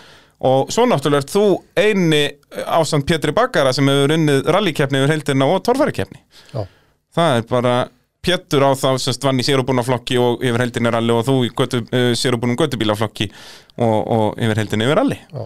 þannig að þetta er mikið af svona skemmtilegum metum sko. já, já, þú ert náttúrulega hafsjóra þessu sko. Já, það er Þessari líkilatrið vitleysu, sko. sko. Það er svolítið svoleiðis og eigum við ekki bara að klára torfærufélinu þó að það séu, þó við séum að stökkva nokkur ár fram í tíman þar Út að Jó. þú náttúrulega keppir þarna er þetta ekki 2015 Jó, Blönduósi. tvö- 2015 uh, kom það til að það var fresta rallikenni Já, átt að vera hólmaðugurall og henni var frestað út af ykkur hvort það fengust ekki leifi já það ekki, var þetta ekki fyrsta skipt við vorum að reyna að fara þangað Já.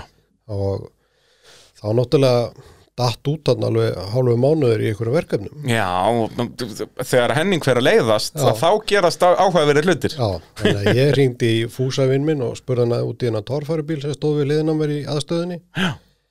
Jú, jú, hann er nokkurn veginn tilbúin og ég alveg, já, má ég ekki bara klára hann og fara á honum á blöndós Jú, jú, jú, jú og ég fekk bílinn og, og þessi nokkru klukkutímar held ég hafi verið 200 Já, einn eða tveir Já, já, fyrir hjálp bara góðs fólks bara í hildina þá náðist þessi villis að láta sér þetta þetta í hug En að, þú veist, það- góð hugmynd sér það til og síðan um leiðum maður er búin að fá hugmyndin og búin að ringa síntalið þá er ekki hægt að að fara tilbaka sko. Nei, nei, eh, Það er ég- það besta við þetta Við, ég ringdi náttúrulega í alla sem ég þekkti og, Já, og menn, Gott að vera á Suðurnesónum hann að fá heilan her af meisturum já, já, og við byggum til bíl úr þessu sem var svona, eins og ég segi, hálf samansett og, og margi fíni, eða margi góði hlutir en, en allt svona í, ófrá gengi, það var búið að setja allt í hann en við hérna ákvæðum að þrjóskast við og ég held að hafi ekki verið fyrir hvað eittu nóttina fyrir keppni sem að ég laðast að norður sko Já, og það var bara fyrir það, við ætluðum ekki að fara norður nema þetta gengi já, góðan snúning og þetta væri í lægi akkurat og við brunnum norður hann og, og það er náttúrulega um það bíl sama saga og í Jósefdalum að ég fór að prófa bílinn hann um morgunin fyrir kefni Við að rikki honum í bakk og bakk út úr já, tóknum já.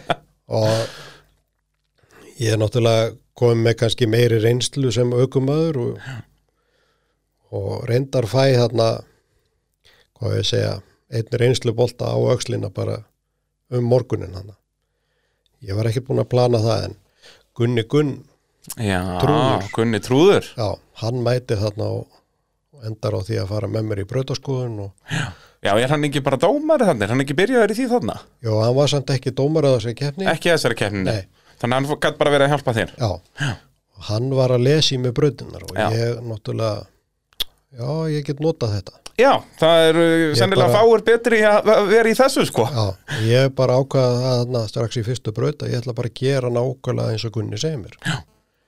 Og er ekki fyrsta braut, tímabraut þarna Jú, Minni það Og ég held að vera í þriðið að fjóruðu bröð sem var mjög mikill liðarhalli og eitthvað og Já, svona langur hliðarallið en í Já. skálinni þarna En það ekki ég upp á svona hólum og eitthvað Já. og svona og, og ég kemst þangað villulaus sem Já. sagt, refsilaus og, og hérna Gunni segir við mig henni láta hann bara hafa það hérna upp í fyrsta hlið og hættu svo Já. ok og ég reyndar var eiginlega sjálf hætt hann hafði það valla upp í fyrsta hlið það vantaði bara nýtur og kom ekki inn og eitthvað svona og ég fekk hann held ég 150 eða 60 stig fyrir brautina og Gulli hérna á Galdragull raustan, hann fór alla leið hann fekk 70 stig Já, nákvæmlega þarna var bara reynsla hjá Gunnar sem að hjálpaði manni sko. bara að stoppa þarna og ekki fara að sapna þér þú veist, 160 refsistigum við að reyna Nei. að fá 200 stig Nei. sko. þarna fórum við bara og þetta gekk allt upp og Já, og þarna ertu náttúrulega að keppa aðalega við bara Jón Vilberg hérna sem var þá orðin markvaldur meistari já og, og, hann hún hérna var ekki Bjarki líka eða? nei hann Aron Aron alveg rétt á Já, zombi já. Aron Ingi Svansson já, og þeir voru þrýri flóknum já og svo var ég held að ég hvort það var 50 að 70 sæti í hildina sem ég endaði svo Já, út af þeir náttúrulega í sérubúna og Götubíla farið í sömu breytir og, og Já, sérubúna já.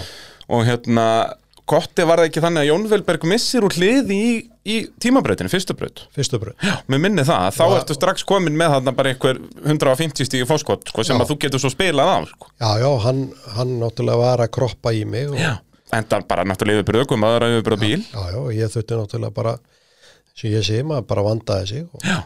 Og svona gast spilað á fórskotið, bara snildanlega og, og, og stóðst uppi sem sigurvegar í þessari torfærakemni, já, já, sem er nú reynt ekki amalegu pakki. nei, nei, það er gaman að eiga þetta í Já, bókanum líka, sko, nákvæmlega sko það er hérna, eins og ég segi, það er býtu, jú, P- já, þú ert eini Íslendingur sem að hefur uh, unnið rallycross-keppni, rallykeppni og torfærakeppni það er ekki leiðilegt með en það ekki, þú veist, Já. þetta Pétur og þú er eini sem að hafa unnið rally, ég held að Pétur vann aldrei rallycross-keppni, nei, Nei.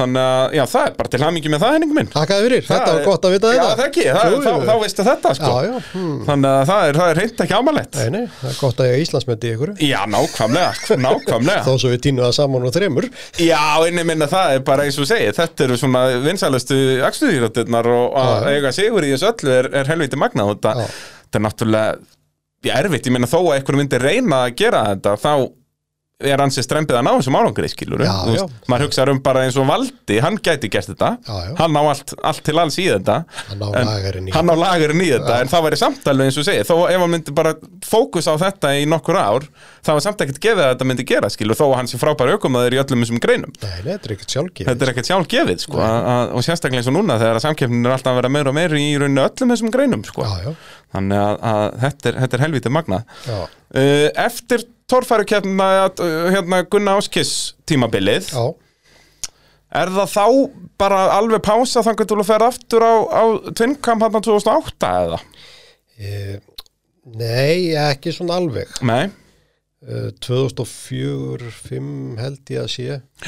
Þá fara ég og Garðar eina að keppni ok, Garðar Gunnars Já, og segja ykkur súpra, hann saði nú söguna af þessu. alveg rétt, Já, þegar að, hérna, metróin fyrir fram hjá okkur og það Já, allt þarna, já, já, já. akkurat Já, það er alveg 2001 held ég já Þetta er ekki, jú, svo, svo kemur hann að pása sem að maður var alveg börn og svona þóttist vera einhver já, t- bara eintóm vitleysa Já, Henning. já. Það er, Svo sem ekki út að þetta er náttúrulega frábært uppeldi og, og, og reyna að búa til næstu kynnslóðir Já, af, já, af já, já, motorsportfólki já. sko, þannig að ég fyrirgeður þetta Já. en uh, 2006 þá kaupi ég bíl af Guma Höskus og, og Tóta Karl sem var með honum þá sem var, var þetta ekki í rauninni leiða skoðuna bílinn þeirra Jú, Já, svona liftback Já. eh, tvingam Corolla ég reynda fer ef ég man rétt hvort það er Suðnisjárald 2006 þá fer ég með Tóta Já, er það Já, hann fóð með mér eina keppni ég leiðaði en bílin Já. þennan sama bíl Akkúrat. og hann fer með mér sem kóari eina keppni. En byrja af hverju var, hann þá, var þá Gummi Hösk ekki keppið þeirri keppni eða? Nei, þeir voru þeir voru konir í pásu á þessum tíma En þetta er fyrir slisaðans eða ekki? Jú, Já. En þá bara er það þá ekki eiginlega bara um hausti það árið sem hann lendir í, hvað er móturhjólaslisið það ekki sem hann lendir í? Og alveg bara, náttúrulega, magna hvernig hann síðan bara breyttist persónuleika séð já, já, eftir þetta. Bara, ég, man, ég hitt hann eftir þetta og bara, þetta er önnur manneskja. já, hann náttúrulega bara stór skadast á þessum stjórngrið og Það er svakalegt, sko. já, hann lendir á mótjóli og kerti veg fyrir hann og Já og náttúrulega slasast mikið líkamlega en aðalega þetta með í rauninni höfðaverkana sem að í já, rauninni já, hann máttu náttúrulega má ég að segja að hann sé bara heppin að vera lifandi já, ótrúlega, það er bara svoleiðis þannig að þú ferð með honum hann eina keppni á þessum liftbackbíl Já, það Já, er er það- eiginlega fyrsta sinn sem að ég svona kynnist almennlega nótum. Já, Ég og þarna Gylfi Hauks vorum að reyna þetta 95. Já. Það var gert á svo lágu budgeti að það var allar til peninga til að leiða sko og vorum að reyna að búa til einhverja nótur enga kunnóttu og Já, akkurat, þarna fæ ég eiginlega fyrstu svona snefilin á nótum út af því að Tóti lasi mér nótunar. bara sem hann var að lesa fyrir gummabís Já. Ég þurfti náttúrulega sem svona meðal meðal greindu maður þurfti ég nú eiginlega hellur eyrunum út af því að þær voru svo ítarlegar sko. Já, það er svoleiðis Já, það er ég, náttúrulega ég náði enga veginn að meðtaka allt þetta sko Nei, en þetta er náttúrulega skrifað fyrir tvingan kórólu sko. Já. þarna eru latnesku nöfnin á öllum plöntunum og í Já, vekkundum og, og allur pakkinn sko. Já.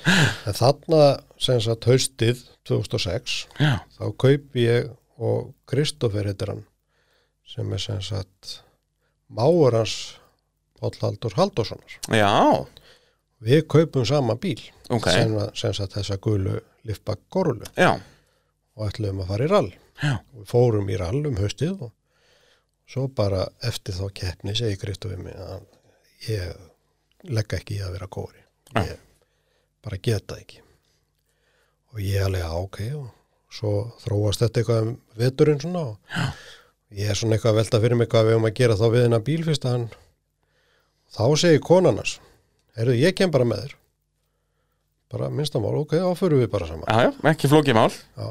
og við fórum og st- skráðum okkur í fyrsta rallum vor og, Já, það var hann að voru 2007 já, Lingdarseiði Já, og ég fór með bílinn austur á Lingdarseiði og hún mætti og byggu í hveragerði já þetta var bara svoleiðis Já, og hún hafði aldrei sest um borð þegar við löðum já, já, já. bara við rásmarka bara að vera ásmörk bara þingvallamegin bara já, hann þá, var- þá var bara stilt fyrir hana beltin og hún settist um borð og fóð með Við fórum þó nokkra keppnir þetta sumar og já, reyndar fórum við ekki alþjóral nei En Hvað, fóru krókinn og, Já, já. og IFS-rallið og... og su- og sumaral hérna á Suðurlandi og fórum, það kom annar með mér í í alþjóral Já, ég ég rallaði allt þetta sumar klára, kláraði þetta sumar og á, á þessum eðaltvingam Já. Uh, árið eftir að þá hérna 2008 Já.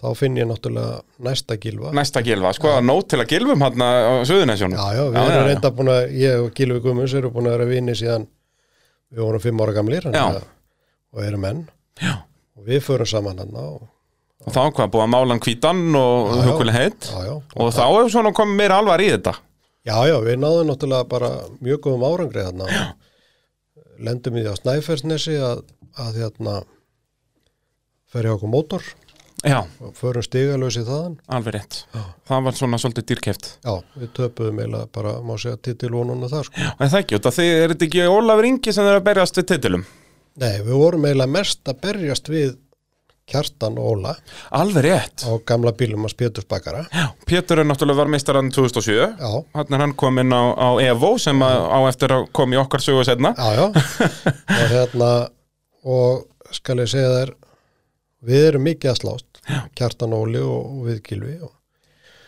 en Ólafur Ingi keirir alltaf í svona... Hann er bara yfirleitt bara þriðja á eftir ykkur og ef að þetta eftir út vinnarinn sem upp um sæti í rauninni Já, og hann var alltaf að skila sér í annað jafnvel velunarsæti og hann Já. sapnaði bara meiri stigum heldur en við vittlýsingarnir sem að kerðum Já, var þetta ekki þannig, það spring, þið springi um mótorotna snæfinsnesi Já, uh, Kjartan og Óli Þetta er ekki endanlega út úr alþjóða eða, Jú. Já, er það ekki, þeir Þeir- reyna að keira og sprungna og rústa bara öllu já sko, þeir keir undan honum hjólastegið á Kaldadal Já, akkurat, við að keira að reyna að keira hann bara einhverju 30 km sprungnu dekki Já, sem að, já, kórólinu þótt ekki skemmtilegt nei og við líka lendum í því að vera aftalega á merin í alþjóðarali Já, er það ekki, þeir voru í einhverju bastlið hana Já, við brjótum drif á Alveg rétt brjótum drif þegar við erum á leiðinu upp stóru skemmtilegu brekkuna að fara upp á heklu já, sem er alveg príðuskoð skemmtun af svona tvöngam kórólu Já, Hún næstum því reyfist Já, og þarna brutum við drif bara á ferjulið við að reyna að komast hann upp sko já og við sem sagt dettum út og komum inn aftur sko akkurat og þar alveg endi voru við með mikið minna stigum og, Já. og en þarna Já, endar já, Óli, já, hann náttúrulega það vinnur alþjóðaralli og þá er þetta komið langlegin í húsi á honum já, að hérna, og hann hérna var alltaf að skila sér og rosalega örugur og, og já, stabill og, og, örugur náttúrulega alveg hraður líka, já, svona Já, já. eins hraður og hann þurft að vera í já, rauninni, já, sko hann, hann er- spilaði þetta bara rétt spilaði leikin rétt, já, það er svolítið svo leiðis ég kannski lærði af þessu setna á tímabilinu nákvæmlega, nákvæmlega setna á ferlinum og það er, já það er endar ein saga held ég sem þú verður að segja, var það ekki IFS-rallinu þegar það kemur upp bílun í, í tvöngkamp, já, við sem sagt þetta er á Nikkel næst síðustu leið já, og það er stökk í endan á leiðinu og við lendum og þessi tvinga var með bensintangin undir aftast mm og þegar við lendum smallast bensindælan hún í tankin já og hann deyra á honum og við náum að láta renn út á leiðinni Já. og þá eru góð róti hvernig komum við tvingam í gang við áttum bara eftir að keira þrjá kilometra til að komast með yfirbúra fórskott já, áttu þess að bara ferjuleið eftir eða áttu Nei, við áttu, áttu sérleiðin eftir um Nikkel akkurat, akkurat, og hérna og rallið endaði við endamark á Nikkel en við Já. þurftum eiginlega í sjálfur hinga ferjuleið nei, bara Við eru henni þurfum að bara- dóla yfir nikili, þeir eru þarna með mínútu pluss eða eitthvað í fórskot, Já, en það- ekki neitt bensín en á mótor, nei. Og þetta var býtt með byrni ísbyttíku þannig að það var ekki hægt að hengja neitt á hann og hann dælu til að dæla þessi ná. Já.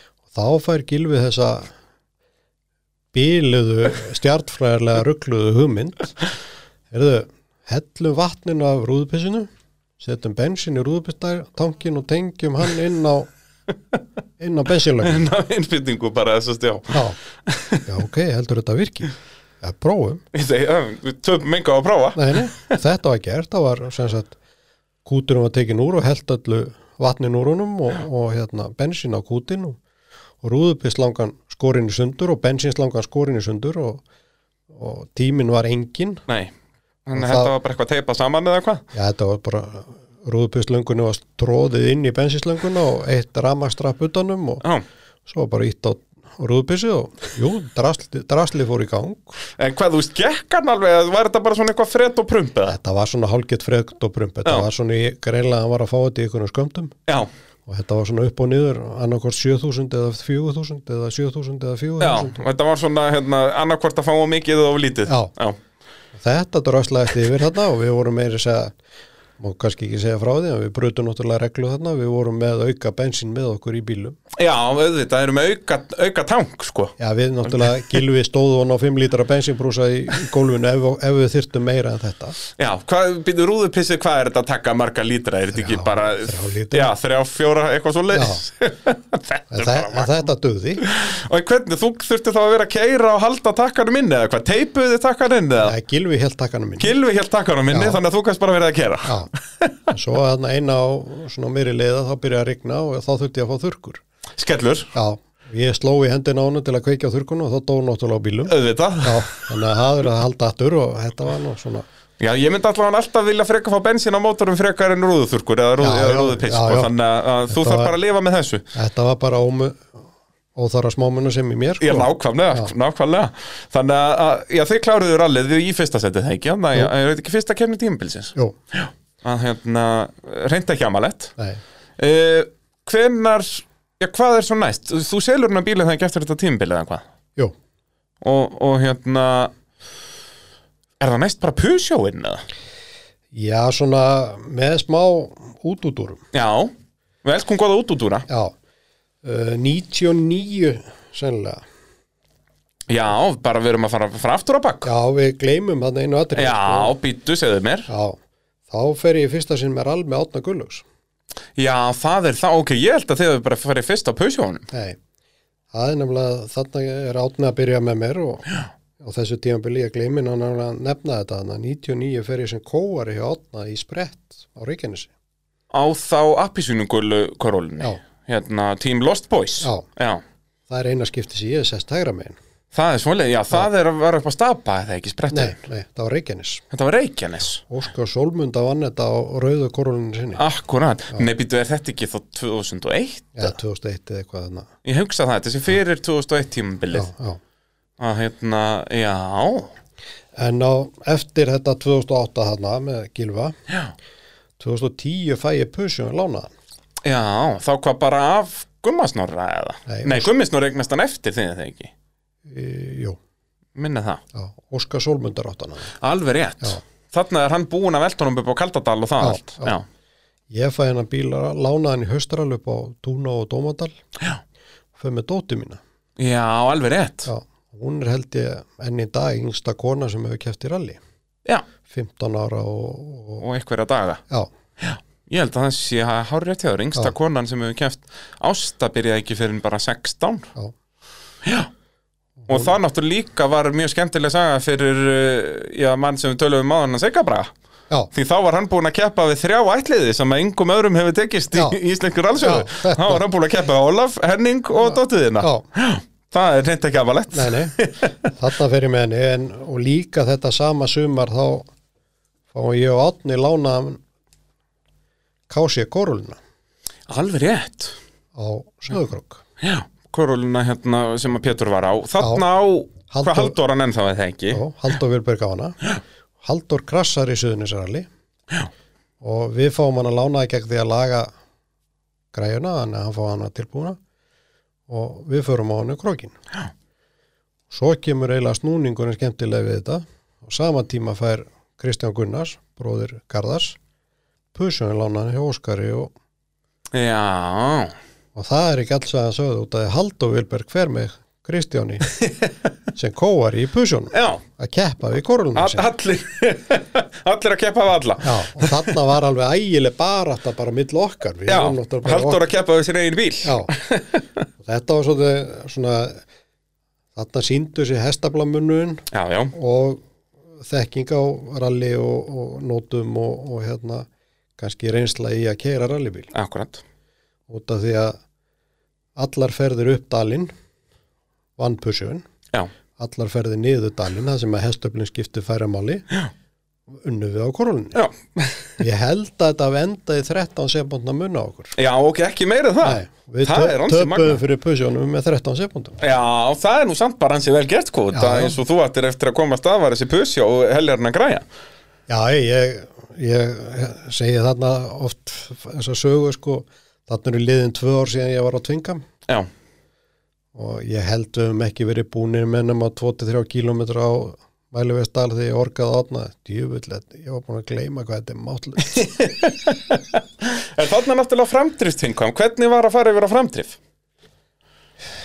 þetta var alveg það var allt annað sko Já, þú er náttúrulega búin að vera á lötunni sem framdrifs Já, það var náttúrulega bara ein keppni og, Já. og svona, eða hálf keppni á þeim tíma sko en þetta var allt öðruvísi sko Já, já, en maður var svona einhvern veginn mér hefur alltaf eiginlega sama hvernig þessi bílar höndla hvort þeir höndla eða höndla ekki þú bara vinnur með það sem þú hefur já, Já, maður er svona nokkuð fljótur að tilenga sér þetta já, akkurat Og þetta er má- ná- nákvæmlega sama og bara finnur að þetta virka svona eða hins einn og, Bara tekur eins og segja, þarf bara aðeins að fíla þetta og, og hérna, og svo bara keirir þetta já, Það er svolítið svo leiðis. Uh, motorvarpið að sjálfsögðu bóði bíljöfurs uh, á smiðvegi 34 ef að þú hlustandi góður eftir ykkur vandræðum með bílinn eða eða þarftu að undirbúa fyrir skoðun eða, eða gera við eftir skoðun um að gera hafa samband við uh, bíljöfur þeir sér, sérhafið sín í Jeep, Dodge og Chrysler en að sjálfsögðu gera er við allar tegundir bíla á smiðvegi 34 uh, um að gera hafa sambandi þá og þá færðu líka nóga hetjusögum frá þeim, frá þeim feðgum Já. og, og besta kaffið í bænum já, Getur ekki klika uh, Erum við þá komnir að, að pusjó ævintýrinu eða? já, sama tíma þarna þá náttúrulega endurveysi við AFS Alveg rétt, þannig náttúrulega AFS bara komið í þrótt Já. Bara var ekki 2010 Var það 2009 sem að það var ekki haldið AFS-ral bara út af því að það var enginn til að halda það já, Og svo bara heldur betur í við þetta upp Fáðu ekki fjórhjólin hérna með ykkur og... Jú, jú, við förum náttúrulega uh, teknir saman hann að nokkrir vitleysingar og ákvaðum að nú ætlum við nú aldeilis að byggja þetta upp og, já, Já, út af eins og segja, þetta var komið bara alveg niður í núl bara, já, þetta var við hittumst þarna ákveðin hópur af gömlum félögum og vorum svona eiginlega að taka ákveðinu það hvort við ætlum að krefast þess að er þið bara formulega lokið eða hvort við ætlum að fara á stað Já. og við ákveðum hann að svona ákveðin framkvæmda nefnd að koma þess á stað og og staðisti punkturinn allan að sem ég laði alltaf upp með að við myndum eignast félagsemili. já, Félagi yrði aldrei fugglinni fiskur ef þetta væri bara kaffistofufélag. já, Og svo var búið að stilla upp þarna stjórn og, og þá setjum við inn í, inn í bílbót, ég og Óskar Sólmundar. Hann var svona svolítið drifjöður hérna á þessum tíma með okkur og, algjörlega og ég segi að djúvill þetta er flott maður nú búið að ákveða það að beggi sé gjaldgeri og þessi allar við í stjórn og þessi og hinn Já. og ég alveg ákveð þá hefur bara eftir að finna formann Já, Óskar horfið á mig neinin það er löngu búið að því ég alveg nú hver, hver allar við formaður og þú að ég Já, já, það er allir búin að ákveða það að þú átt að vera formaður. Ok, allir búin það er að fínt, ákveða það. það er fínt að láta mig vita því. En jú, jú, ég er náttúrulega ákveða að taka þátt í þessu og, Já, já, auðvita og starfaði, eh, ég var formaður í þrjú ár. Þessi fyrstu í rauninni þrjú ár þegar þetta er að að rísa upp röskunni Já, og, þetta náttúrulega gerist mjög fljótt bara, Já, sko, við náttúrulega erum hver annar ofvirkari já, já, og, og, og ekkert með stundum heila hugsun hugmyndaflugið er svo stórt sko. já, já bara eh, besta sönnun á því er sennilega sagan sem þú sagðir hérna áðan um að að allt í hún var ekki ekki rallikeppni og þú gast eh, gert eitthvað í tvær vikur og ferð þá að gera upp torfarubíl Já. Að- Þarna held, fórum við á stað náttúrulega með rall og, og torfæru og, Mhm. og rallycross, þetta var allt sett bara á, á full swing. og þið eru strax komin í þessi félagsheimili það er ekki 2010 Jú, jú. sem er ennþá bara þetta sama og það er í dag er Nei, það ekki? nei, við byrjum upp í Ásbrú. Alveg rétt, Já, ég mann byrju- já. byrjuðum þar í stóru húsi og, Já. og það var eiginlega svona, þetta var ofstúrt já, og þetta var ofalangt út úr, þetta, þetta einhvern veginn og, og þetta var svona eiginlega óþungt í rekstri. Já. Þó svo við hefðum fína tekjur af hinnum og þessum hana og svo var það þannig að við ákvæðum það bara að við þittum bara að eignast hús og við erum að finna ykkur að leið til þess og, og þegar ég hætti að þá fór ég með þetta verkefni með mér sem formaður þó svo ég verið hættur já, akkurat og kláraði þetta, við varum búin að finna þetta hús var eiginlega komið og ég var búin að ákveða að stíga til liðar og mér fannst ég að fann að endur taka sjálfa mig Já. þá finnst mér vera tíma að hætta sem formaður Já, já, þú veist, það er líka bara alls svona félög, það þarf alltaf að endur nýja, skilur Já, Svo já, til að það- þetta það er- haldist áfram það er einhver svona félagi holt að sami maðurinn stýrið í Nákvæmlega, nákvæmlega og við keftum þetta hús þarna þar sem við erum í dag og Er það þá þarna hvað, 2013, já, eitthvað svo leiðis já, 12-13 Akkurat, ég man eftir þarna upp í Ánspróf alveg rétt, ég var Já. búin að að, hérna,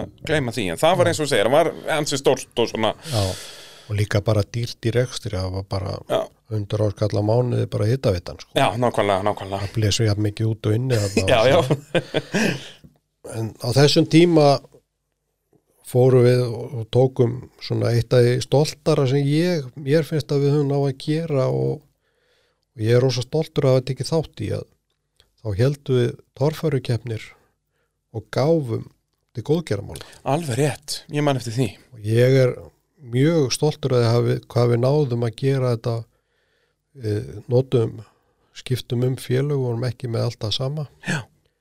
stæðsta keppni var Pólsen keppni sem við heldum upp í upp í Jósefsdal Já.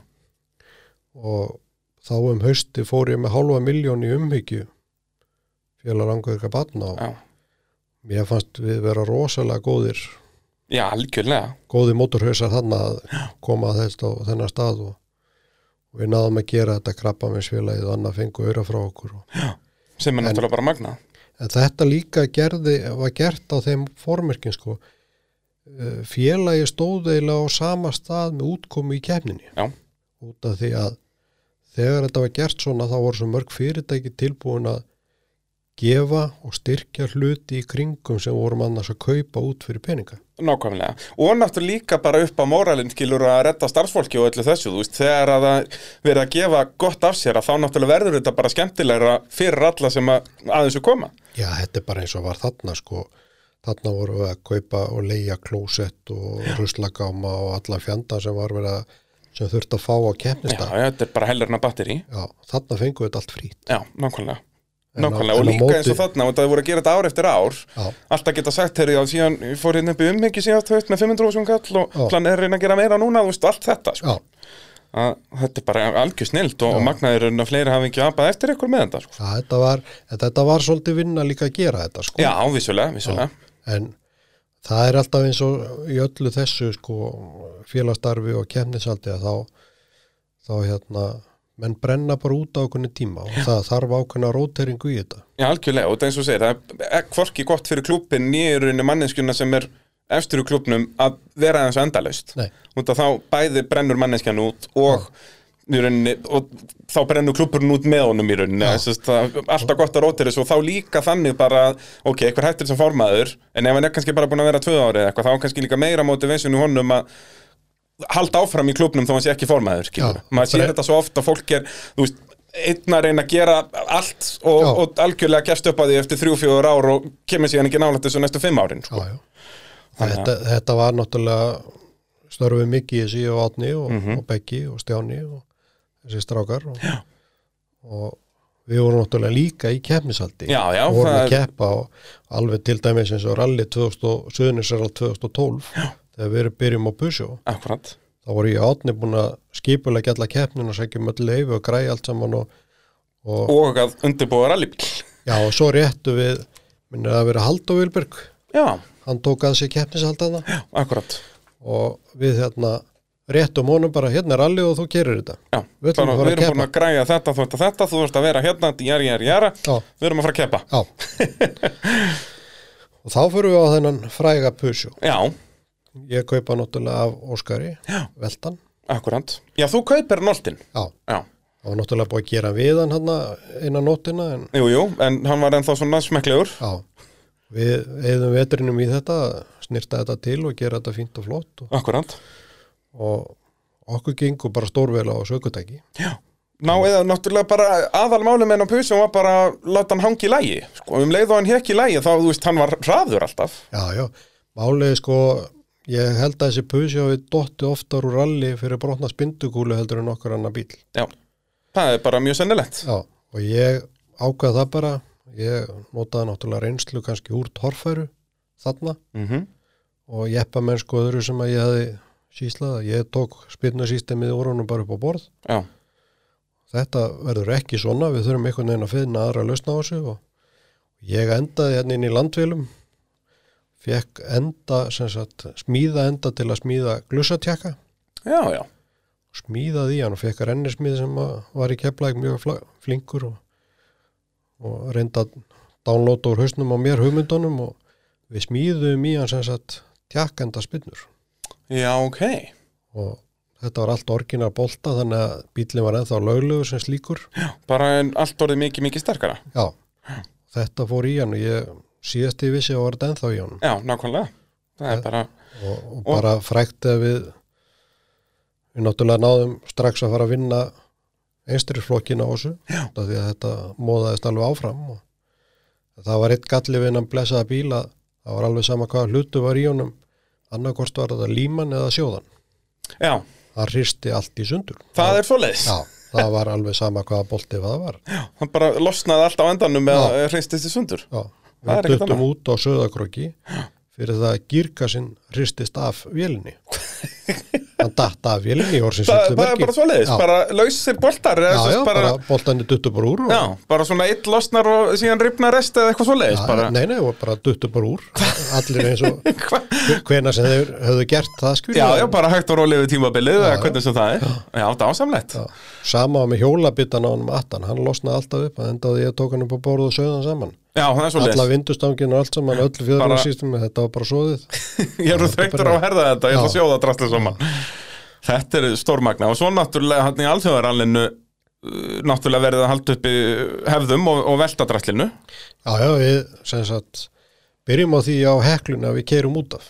Já, Við erum reyndar, sem sagt, við erum reyndar búin að brjóta framöksul á heklunni já, já, en pusjum var þannig að þú gast svona gefið í og slegið af og þá gastu látið læsinguna grípa ok og leðu gafst í að þá læst hann sér og svo bara þegar hann hætti að læsa sér þá áttu bara að slá af og botna hann aftur og þá kom hún inn og við náðum að keira þannig ábygglega hátt í hálfa hekluna sko. Já, og svo erum við að koma í endamarkaðna á heklunni og þá missi ég hann út af náttúrulega með hugan við að reyna að halda þessi einhvern veginn áframhaldið í vikrinum á þess að þetta festi sig One Wheel Drive uh, Pusjó já.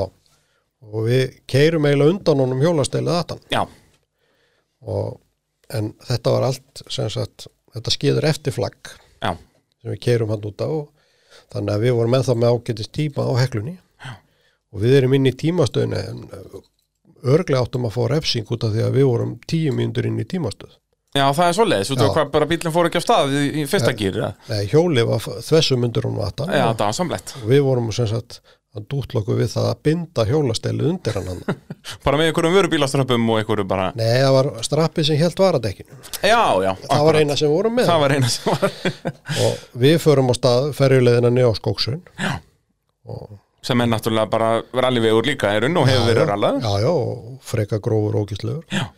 og ykkur staðar hann á miðið skóksurinu við á, sem sagt, á ferjuleið þá veltu við busjón, þá slitna strappið slitna strappin og þá var hjólið eh, aftur í hjólskala atan og við förum eitt ring bara hann á veginum já, bara á ferjulið Já, en hvernig var þú veist, voruð þið með hjálman á ykkur eða? nei, Nei, við vorum þau eru bara strappaðir í beltinu vissulega, en vorum í ná, kannski beltum. ekki strektir en, en Já, við vorum í beltum en náttúrulega auðvitað með við ástand bílsins hefðu náttúrulega átt að vera með hjálma á okkur.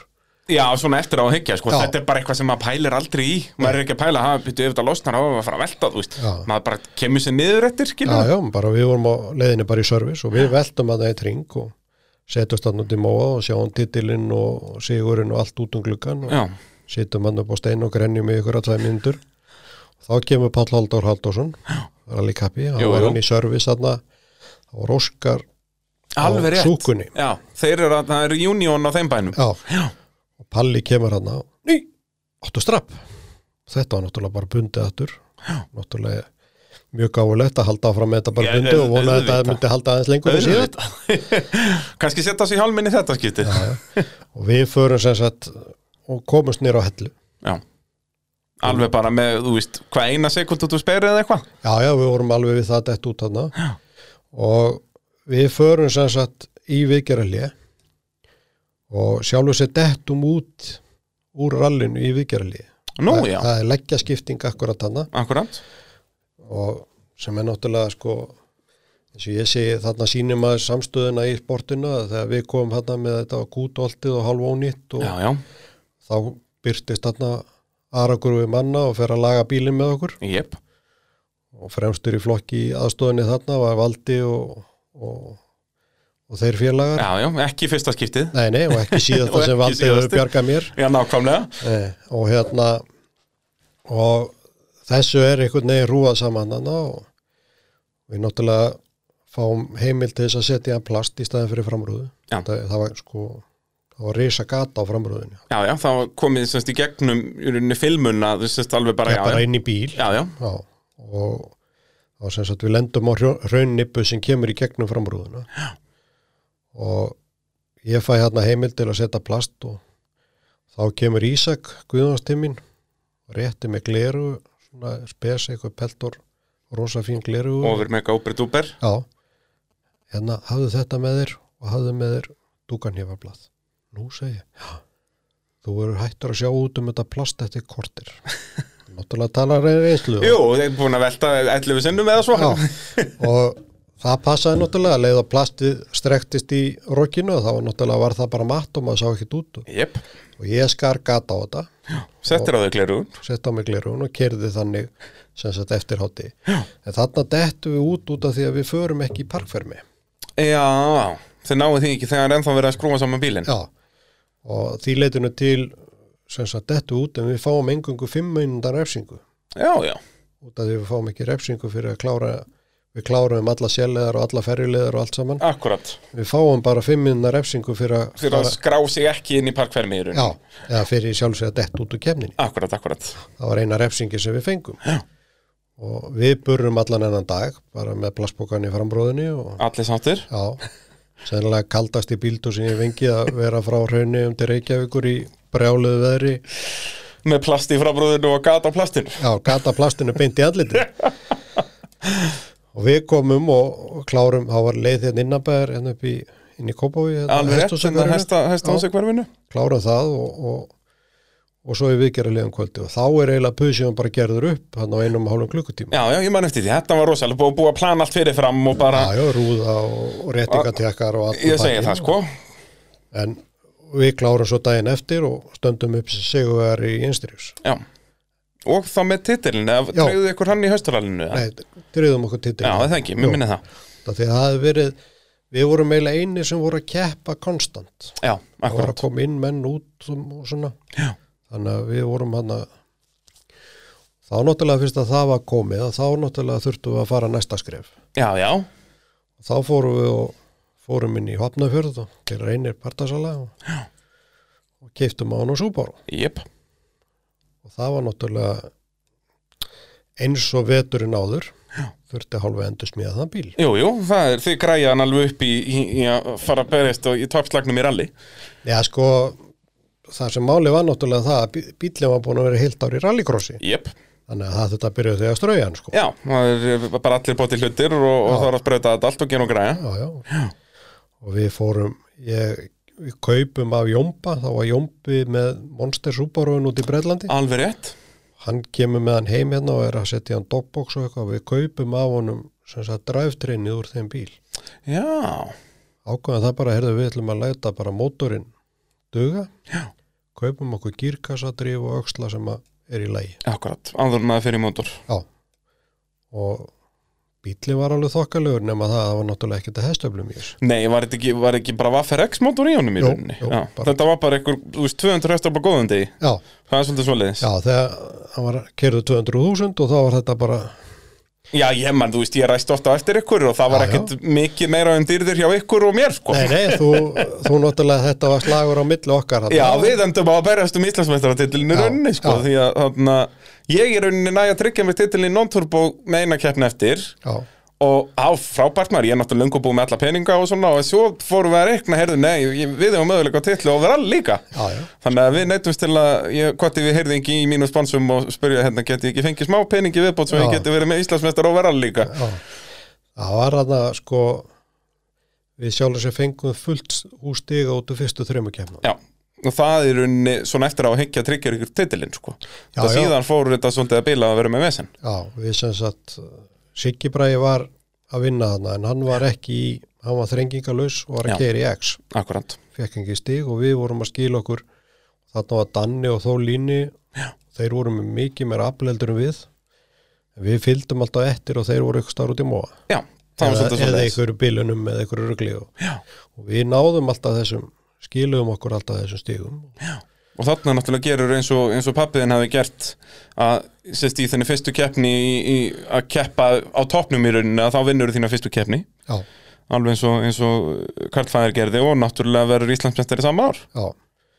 við sem sagt tökum fullt úr stiga í fyrstu þremur Já. í Þá fjórðu er sem sagt alþjóðaralliðið þriðja keppni þarna og það Já. voru tvö, tvö hauströl Já. og í fjórðu haustralinu sem er þá, er það ekki dómyndalu tungna á það allt? Já, þá kvik, kviknar í honum Já, sem sagt brotnar í honum dúrbinurar Já. og kveikir í rækjörun á bílum og hann bara fór ekkert meira sko já. Já, er, verð ég æfinlega þakklátur þessu, þessari turbínu fyrir það því að fyrir vikið er ég yngsti aukumæður til að vinna rallikeppni á Íslandi Já, þannig að bara þakka ég kallega verður þeirra góður og, og þá kemur þessi skrýtna stað að ég er held ég þá komin í annarsendi í Íslandsmótið út að ég vinn þá keppni overall Já, svo sem sagt þetta var búið að reikna þetta út á þessum tíma Já. og við þurftum sjötta seti ef að þú myndi vinna Já, í sest, síðustu keppni, ef við Já. hvernig myndum vinna þar Já, og, að, þá myndi þá- þið þurfa að sjötta já. og við hérna leit nú ekkert mjög vel út fyrir okkur Men ég- þið- er- lendi ég ekki strax í vissinni bara á djúpavatni eða? Já. Þá er þess að djúpavatni kert fram og tilbaka og svo fyrir við upp á Uxaríkja og Kaldadal og það já. og djúpaðnir deyr bara á aukutækinu Já. og allur ströymur, engi ströymur ég sem bíl var svona sjálfurku eða svona elektróniskur útsláttar það var ekki svona snúin rofi mm og sennilega þegar kveiknar í bílum upp á Dómadal og þá yfir hérna þetta það er afkerfið allt í honum bránaði bara já. þá hætti þetta að virka og átni fer út og sparkar í dekkið og, og lemur svo í, í þennan þetta box og þá dettur hann inn og við höldum áfram og, og tvisvar í viðbót á djúbótnum þar átni að laupa út og Og berja í öryggjabóksið eða hvað hérna já, þetta var svona bara svona relay kassi, Já. ykkur, ykkur stálkassi sem þetta var í og Akkurant og svo bara þegar við komum út af djúpa vatni þá er bara tengt fram hjá þessu og, og þá byrjaði náttúrulega okkar að vinna við vorum þarna í tíundasæti Já, og við byrjum bara með það markmið að vera bara öryggir og keira nógu stíft þannig að við næðum upp í, upp í sjönda upp í sjö ef að það, Ef- ég, Gott ef að ég var ekki þriði eða fjórði þarna Já. Náttúrulega Gummi Hösk var af Nei, ég var ennþá á undan Gummi Hösk en Gummi Hösk endar á að vinna mig þegar ég sprengi og eitthvað Já, og náttúrulega Pétur Bakar endur á að vinna keppnina sko. þannig að hjálpa að það voru aðeins fleiri trúpabílar en hefðu verið já, í hérna þarna hinum var keppnum. líka Baldur Haralds í sinni fyrstu alveg keppni. rétt, þannig er hann búinn að kaupa Palla Harðar, Já, hann og Alli já, Já. og þetta enda þannig að við náðum sjötasætinu Já. þannig að þannig að þó að ef allir hefðu dottið út hann fyrir framanna þá, þá hefðu það þau er alltaf náttúrulega færst upp líka sko. nákvæmlega sko. Þannig að við vissum þetta svona nokkurn veginn fyrir síðustu leið og ákveðum bara að keira hana bara yfirvegað og... Já.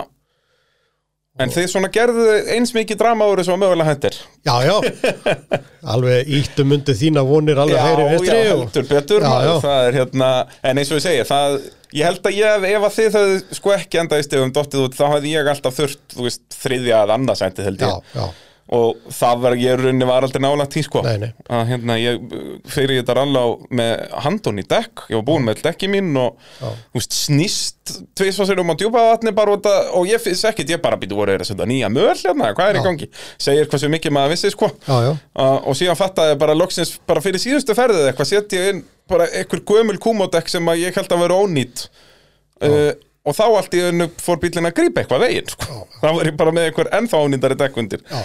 en hérna, þetta var líf og fjör og Íslandsmyndatitill hann tekur já, og, og þá náttúrulega eins og við vorum að tala um aðan náið þessu sama, sama árangri og, og pappiðin gerði 89 já, það er að að vera Íslandsmeistari að fyrsta árið í, í, í stórafloknum já, Nú, uh, mótorrappið að sjálfsögðu bóði bílapunktsins, uh, við vorum að tala um hann uh, Valdimur Jón Sveinsson hérna áðan, uh, okkar mann á vettvangi og uh, um að gera að, uh, já, vestla við bílapunktin uh, ef að þið lendið í ykkur tjóni með bílinn, þetta er í grófinni sjö Reykjanesbæ eins og þið þekkið hlustendur góðir og eru með bílamálun, réttingar, framrúðuskipti og allar almennar bílaði gerðir og vinna að sjálfsögðu fyrir öll tryggingafélögin.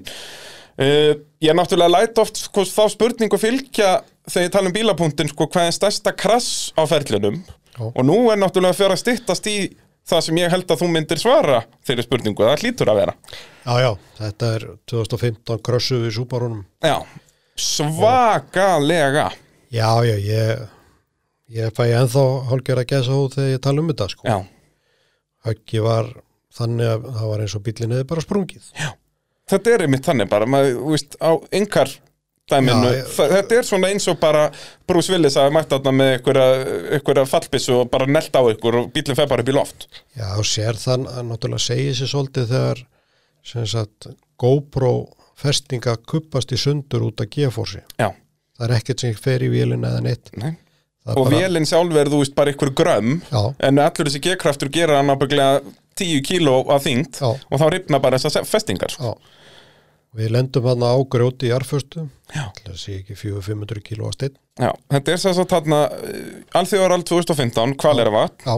og þið eru bara farið yfir hæð, skerið hann aðeins Nei, ég sker hann í sjálf og sér ekkert. Ég kem, kem hann upp hæð og það er svona svona úpskaplíin eða, eða svona smá jump og hann losar hjól Já.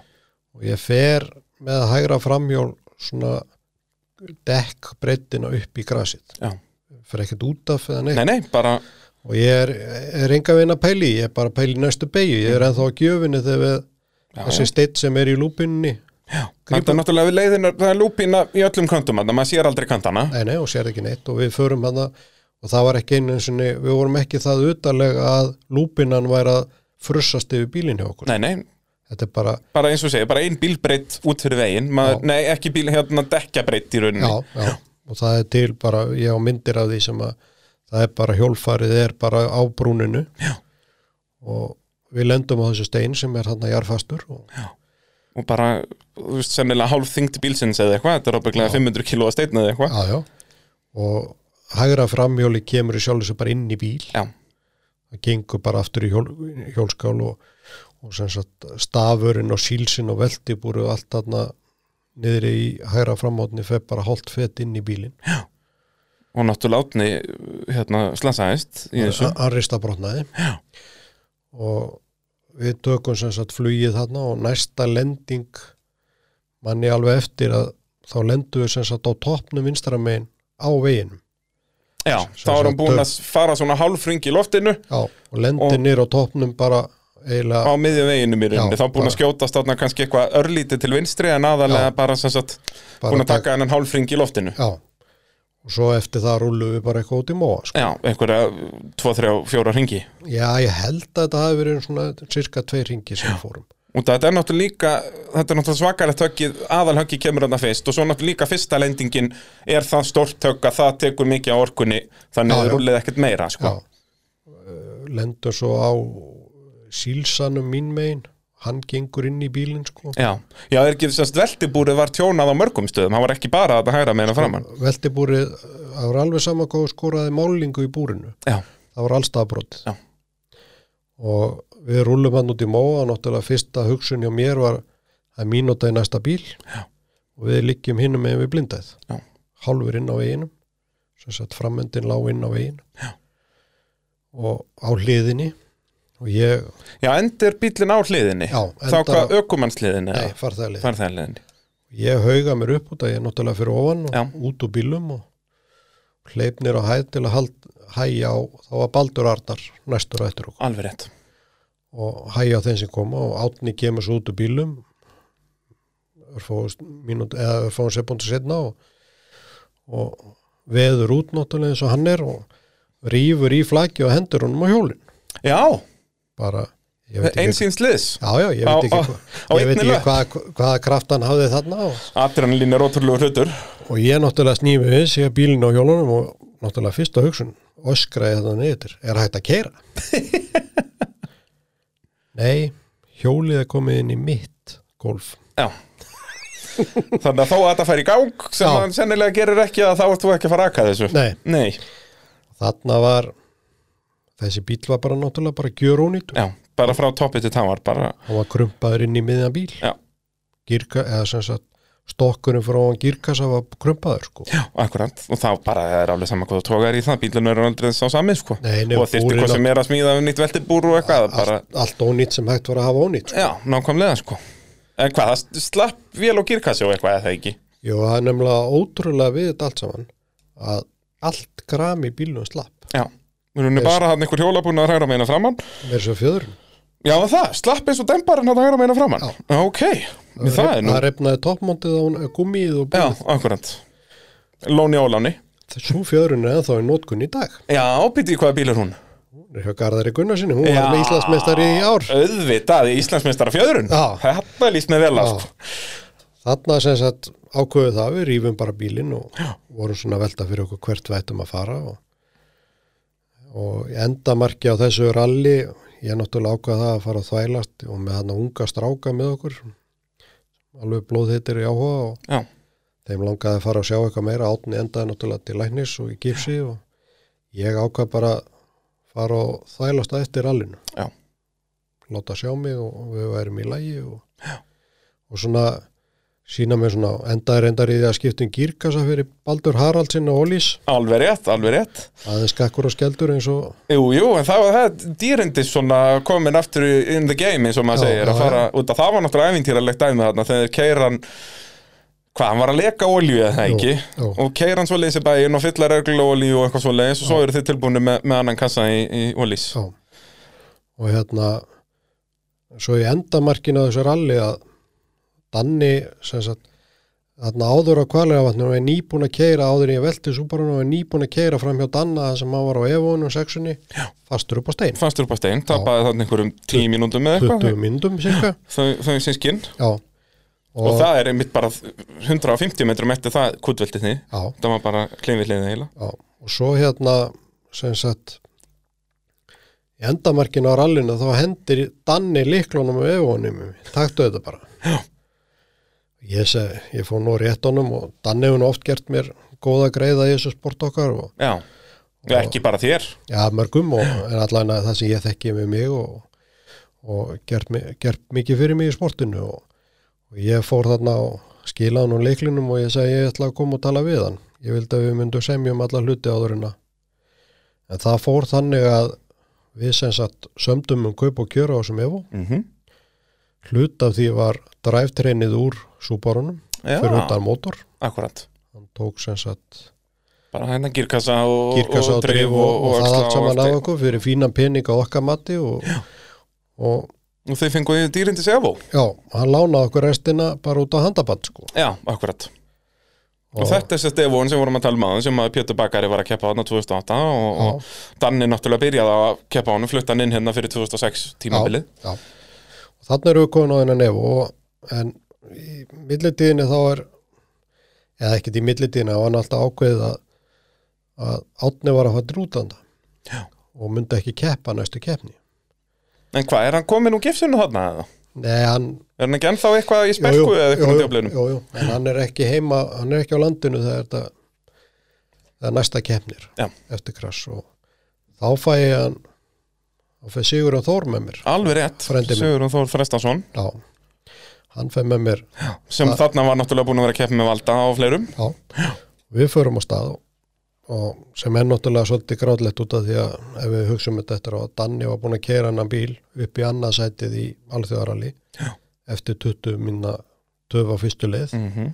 búin að keira þetta sunnansjö, ég held að hann hafi unni alla leiðinu með einar í þessu ralli Jöp, og við förum á staða þessum ef og eftir fjóra kilometra skjálbreið við þá brotna spindikúla og hjólið undan alveg rétt og dettum út úr kemni. Þeir eru bara ekki komnir, bara þeir eru rétt komnir út úr skólendinu þarna bara hjá geysi Já, eða það ég þarna. verið með vallakonni nokkur stað sko. og það var náttúrulega farið að laga og ég og Átni fyrir svo saman haustralið Já. mann veit ekki hvað, hann var eitthvað ágættis árangur og Þau kláraði allavega hann alveg í ég held að við höfum verið í öðru sæti og eftir danna Já, það ekki, Jú. getur verið Þannig er hann á, já, þetta er Kaldadalsarall og hann er komin á, á impressuna, já, er það ekki verður verður ekki danni meistari Jú, því- jú, þetta er allir sem er sikki bræði eftir út í hann og tapar titlunum með það ekki nei, Nei, það er árið eftir Baldur Haralds verður meistari 14 og 15 eða ekki Jú, alveg Já, rétt, já. Baldur Harald fyrir mistari þarna það er þá 16 sem að svona eiginlega skrýtnasta endamark sem ég þegar Danni verður meistari Já. þegar við komum út að skjálbreiða við því einhverju rúmu mínútu eftir honum mm Mhm. -hmm. náttúrulega tók á okkur einhvern helling tíma þarna og svo stöndu við tveir í endamarki Já. og það liði 8 mínútur þangar til næsti bíl kom Já. og minna það að verið sýstiðin sem var síðasti bíl sem kom Jú, alveg rétt Já, á Tjörgi Á Sérokki, Já. bara að keiri öðrum eh, gýr léttljúa kátt Já. að njóta lífsins Já, ég held að það hafi verið fimm bílar sem kláruðu þann út Já, það getur passað, það, það er 2016 sennilega. sennilega mín skrýtnasta saga ef við ætlum að fara í svona með að býða eftir bílum það hlýtur bara að vera alþjóðarallið árið á undan Já, og þá er ég bara mynd á djúpa vatni það gerist aldrei neitt á þessu kvalera vatni Nei. engin ástæð að vera mynd á þar Nei. bara fyrsta leið að taka þess allir rólega síðan held ég, með minnir að það sé þannig að Baldur Arnar komi fyrstur og ég held að hann hafi verið fjórðið eða fyndi í rásröð sko. já. út af því að þú veist, út af valdi gott ef hann fyrir ekki á sama stein og þið Valdi búin að kera á hennar sama Já, steinu við. bara með, fór, var þú veist, hálfri dekkjabritt lengra Já, á já. einum þannig að hann bara brýtur einhvern hjólabúnað eða Já. eitthvað og hérna, Danni náttúrulega upp á steini þarna gott ef var ekki Jómbi á Evónum þarna, var það árið eftir sem að hann krasar þarna eða, Það er- fer út það er af. árið eftir. það er árið eftir. en allavega þá bara kom engir bílar Nei.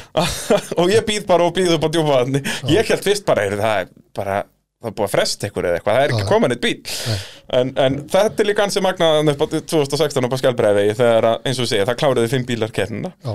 Inga sýstir þarna, í fimmta senti overall Já, algjör eða all já, uh, Mótorvarpiða sjálfsögðu bóðið að býja varahluta gott fólk uh, eins og það hefur verið frá fyrsta degi sem var hvenar 2019 eða eitthvað, það hefur komið uh, ansi langt síðan að ég byrjaði með uh, þetta dásamlega podcast komið í rúmlega 100 þætti og þakka ég að býja varahlutum kærlega fyrir að styrkja þetta allt saman, eru með vestlænir út um land allt að sjálfsögðu og hveti ég alla til að kíkja inn á förts.is það er heimasíða með rekstrar og efnavörum og þetta kíkja á tilbóðum áraðaris þar alltaf eh, nýjir bæklingar að koma og eru tilbóðin þar, eh, já, gilda til 3. desember núna, fullt af flottum vörum þar uh, Þið keirið á þessum Evo næstu ár vinnið einhverja keppnir á honum eða ekki jú, jú. alveg einhverjar, allavega þrjár, fjóra, fimm eitthvað svo leiðis Já, Eitthvað svo leis. hérna, reglulega, náðið einhvern veginn aldrei að koma saman heilu góðu sísoni þetta er oft Nei. svona vinnið IFS-rall eða vinnið á Holmavík eða eitthvað svona en, en, en bara í bæði bíleri og, og, og fleira Já, já, við vorum, já, sko, þegar fyrir að líða þarna á þetta EVO tímabili þá vorum við báðir algjörlega tímalausir í þessu. Já. Og svona, ég segi líka við vorum mótni pínu sattir svona á Já. sportinu. akkurat, og þetta var svona það var gert alveg svona vandaði svolítið upp á metnaðin í eins orðið og það náttúrulega kemur kannski bara út af þessu að eins og segið, þið eru búin að vera lengi eins og saman já, uh, voru náttúrulega mikið að lenda í bara svona hrikalegum bilunum skilur eitthvað Já, já. bara svona sem að engin undirbúningur hefði geta fyrirbyggt sko bara eitthvað svona fáralegt á fyrstu leið skiluru Já, já. og það náttúrulega dregur alveg vindin úr manni já, ég geri það og bara fórum með mótor og söðakróki já, og alls konar svona, þú veist, eins og líka bara dýrar bilanir og eitthvað Já, já. svona bara leiðindi sko. já. þarna, eins og ég segi þarna maður er alveg með peninga til að gera þetta og svona já. en þá var það engin tími sko. já, þetta er eiginlega öfutt frá því þegar maður byrjaði þá átti maður enga peninga og fullta tími í já. þetta. Þa, þannig sem þetta þróast þetta motorsport, þú Já. ert ekki fyrst til að koma hérna og segja nákvæmlega þetta Nei. og við ákveðum hann þegar líður á tímabili 2018 að þetta sé komið gott Já. klárum það tímabil reyndar átni fer ekki í síðustu keppnina hann gafst upp einni keppna undan mér já, alveg rétt fótt til útlanda og, og það var hérna ég var svona pæli í því hvort ég ætti að fara eitthvað þetta er þá hérna, hvernig hausturalli 2018 eða ekki já. svo hérna fer ég heim og bygg konunum minn í bíldur já. og kaldadal og farið smá, smá jeppaferð upp á Kaldardal hérna á Já. lögadaginn Já, rétti henni svo nótubókina þegar við fórum á stað og lesti eitthvað fyrir mig og hefur gaman Já, að ef þú hefur gaman að svona var þetta bara og við endum fjórða þarna og, Já, það ekki, hvað þið sprengduð og eitthvað, eða ekki, það var eitthvað vesinn á ykkur, og eða við ekki? sprengdum á, á síðustu lið Alveg rétt, en voruð bara, eh, standi ykkur vel já, já, þetta var svona bara Bara líf og fjör já, já, maður, það þurfti ekki orðið að segja mann en bara nú að ralla flesta við Já, kaldið dalun hafa búið að skoða þetta alveg nóg oft að það er Já. ekkert að gera það meira af því já, já, Þetta var líka við enduðum að þurfa að stytta leiðina manni og ég var keppnistur í þessari keppni já og það var þetta út að það var bara snjór og viðbjóður komnir bara snjó bara Já, þarna já, bara dásamleitt og rétt konur hann upp fyrir ég man alltaf eftir í fyrstu ferð og, og segir eiginlega svona svo skríti með þessi blessuður rallydekk okkar gróf og ruttaleg dekk Já, það það er betra að vera á sumadekkjum í snjó heldur en þessu verður betra að vera á slikkum líka við Já. Þetta bara, þetta er alveg magna sko Já, ég kem hann upp upp eftir í eitthvað með fyrstu bílum náttúrulega og, og þá komum við inn á ísinn og ég byrja að bremsa fyrir beigju og hann eigur hraðan Já. bara svona glaserar einhvern veginn undir dekkjónum og ég hætti að bremsa og svona eiginlega fer út í kantinn til þess að finna mér eitthvað um möl til þess að ná að hægja á mér sko. Já.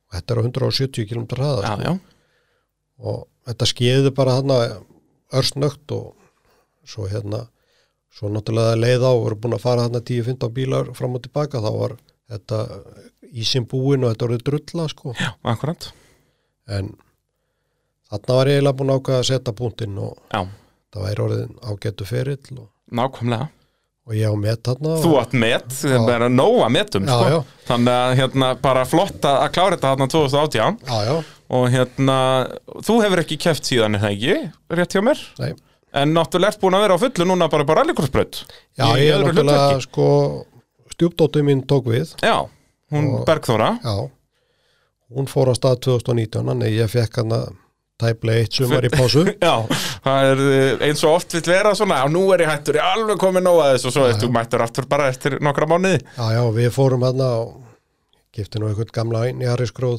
og Já.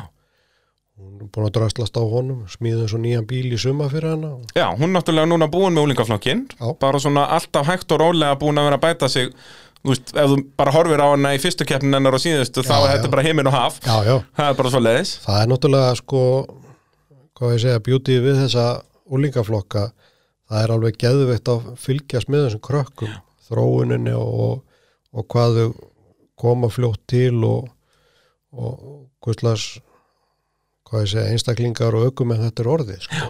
Já, bara svona um leið og þau sem sagt, þrjóskast við, skilur alveg saman hversu illa þú stendur í fyrstu tveimur, þreimur keppnunum, það var að halda áfram Já. og eins og segja, þú veist, og Bergþóra endaði sem fyrir lungarflokki bara að vera að berja sem sigra í reilum, skilur Já, já. Að- og náttúrulega hún byrja rosa bratt sko, hún er, hún er þessi bráðlata típa og, og byrjaði í rettnekk Já, alveg rétt 2019. Já, hau- haustmótinu Já, í fyrsta reyli keir hún út af og í reyli tvö veldur hún Já, ég tók hana bara til liðar og ég sagði Bergur mér, þú lærir ekkit á þessu nú eru þú bara að keira hægar það, það er engin reynsla fyrir utan breytina já, Það er bara hver nákvæmlega kílómetri sem hún svoleiðis. keirir lærir og svo bara byggja upp hraðan Já, hún hlustaði og hefur gert það og hún ætlar að halda áfram Já, en það ekki, það er uh, komin á eðal hjóndæði núna já, já, í, hvað er nú ekki, 1400 flokki þúsund þúsundflokki á hjóndæðinum, alveg rétt og bara eðalbíl, snirtilur og flottur búið að sprauta að þú gera og græja Já, já, og hérna, þannig að hann verður virkilega gaman að fylgjast með henni í þúsundflokki núna á næsta tímbil hún náttúrulega var í þúsundflokknum núna í rætningmótinu, já, stóð sem er stakri príði já, já, þannig að nú er það bara að fara að berjast, berjast um eh, herri sæti þar já, já, við þurfum að taka og, og svona aðeins að fíni sér hennar bíl, þetta var náttúrulega smíða þarna fyrir etningin og ímsi hluti sem komu að vera að smíða nýjan bíl. já, já, þetta er Skilurðu? ekki bara jari sem svo allir hinnir Nei, nei, það er nú bara- líka kannski það sem er svona skemmtilegt við þetta bara eitt atrið þegar, var, þegar hún fór á staði tímatöku og botnaði út ráskablana þá læstust allar hurðar á honum út af því að það er sjálfur kerfi í þessu þegar hún ferði við 30 þá læsir hann já, bara, þannig að það var fyrsta verk eftir það að taka hurðarnar á sambandi og, já, og svo eftir að útfæra hann slær út og vinstir fótabremsar á honum já, akkurat slær hann út bensingi og svona þannig að þetta er hlutur sem að ímsir svona, eh, svona tölvuvesen í þessum nýju bílum já, já, eitthvað sem þarf að læra á það er fínt að dúlla sér í, það, í, í því ég vettur er það ekki jú, jú, það er bara svo leðis og þannig að við munum sjá ykkur bara hress og kant upp á braut í, í vor já, já það er enga líkur öðru nei, nei, þetta er svona eins og maður segir ég hef eh, svona rosalega gaman með þetta og, og valdi á náttúrulega svolítið drifjöður í því og samt mér og kitta og fleirum Já. eins og við tölum um hvað við erum búin að koma inn hjá þessum úlingum. algjörlega bara Við skulum hjálpast að öll í pittinum og gera alla þessar rósir og vitleysu sem okkur dettur í hug alveg sama hver það er þó að hefur aldrei sagt hæfi manneskjulna Já. skiptir engum máli, en við skulum berjast á brautinni. nákvæmlega Við erum ekkert að berjast í pittinum. Nei. Og þetta er hlutur sem að ég haft alveg haft að leiðaljósi í öllu mínu sporti, sko. Já. bara berjast á sérleðunum eða í brekkunum eða á brautinu eða hvað það er en um leið og hjálmurnum fer af að þá er allir vinnir Já, og það er náttúrulega bara eins og margóft hefur komið fram hérna í mótavarpinu andinn og stemmingin í kringum rallycrossi núna er bara, það toppar þetta ekkert sko. nei, nei, þetta er bara, þetta er eins og ég sé, þetta er bara einn stór ko- skemmtileg fjölskylda, sko. Já. það er bara, Það er engin þegar leiðilegur aðstæður eru- frændi þarna, sko. nei, ekki, ekki einast sko. og, og hérna, og, og leiðilegu frændarnir eru samt það skemmtilegir að það er dásamlegt að vera í kringum það sko. Já, já, og hérna, og bara þetta eins og úlingaflokknum, sko, þegar að ökumæðurinn getur verið bara taka snapptjótt af öllum hinnum uh, servismönnum anstæðingarna að vera að skipta um vélar eða girkassa eða eitthvað já, já, þá er þetta allt eins og þetta á að vera, sko já, já, þetta er bara eins og það er, hún veldi núna í sumar. Já. Þarna held ég í síðustu kemninni sem hún var í úlingaflokki. Já. Og þá veldir hún þarna og, og það voru spinnur og eitthvað drasl ónýtt. Ég var bara í því að rétta verkværi og varaluti. Já, nákvæmlega þegar ég kem, kem laupandi og ætla að vara þá er einhverju þrjú, fjóri konur undir bílinn sko. Já. það byrja að græja að gera sko. og búið að græja hérna varafluti og Já. bara, já, já, já, þetta var bara afgreitt á núleitni ég segi það, sko þetta er, og síðan gerir þú það sambaskilur þegar það fer, þú veist, vel hjá Daniel eða hvað Já, það er, já. eða girkassi hjá, hjá, hérna hvað heitir hann sem fór með alla girkassan í sumar? Anton Norri? Anton, já, já. akkurat a, a, þú veist, þannig að þið launað allir greiðana tilbaka, skilur, það er bara já, já, þetta er, þetta er alveg sama við getum alveg farið í smá sögustund hérna Já. í framhaldinu já, já, 2008-2009 það Jónber á Evónum í rally þá voru við í service fyrir norðan með Óskari Sólmundar og þá var hann á Seliku alveg rétt og þá var keirt tveggja dagar allanna og hann klára selikun á föstaskvöldinu Já.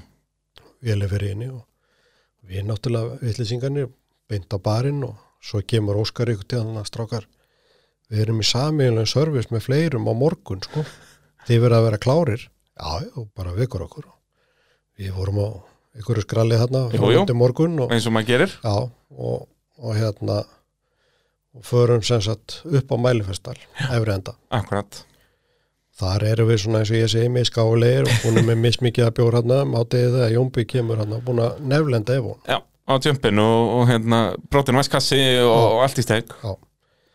Og við þarna og engi með ef hún vaskast þarna. Nei. En við vorum með þarna en hann dýrindist Toyota vaskast. Já, úr selingunni Já.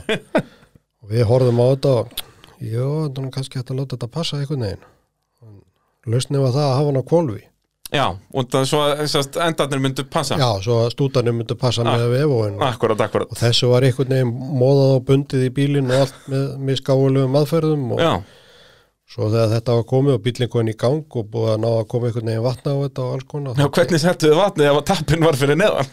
þetta, þetta var Bara reynda í- vandamáli var það að þessi kassi var ekki mennin um áfyllingastút það var gerð, Nú, það er gerðu svo fyrir leiðis, að þú fyllir bara á hérna á box á í hliðin áfallið eða sérst, já, akkurat en ef hann var ekkert þannig, hann gerði ráðið náttúrulega fyrir því þá tókum við og losuðum hósuna svona halva leið og heldum bara inn í inn í samskiptin og þannig var komið vatna á þetta og svo var náttúrulega kostur að hann var á kvolfi Já, að þá gáttu við losað sem sagt aftöpunatappan aðeins til þess að hleypa þrýstingnum á hann. stórgróða business, þetta Já, er bara já. sér hann að Já, já. og Jómbi kemur hann til mín og horfir á mig og henni heldur þetta virki. Ég er búið með eitthvað eitthvað að guða vegum hann og horfa á hann alveg. Er ekki hittamælir í hann? Jú, jú.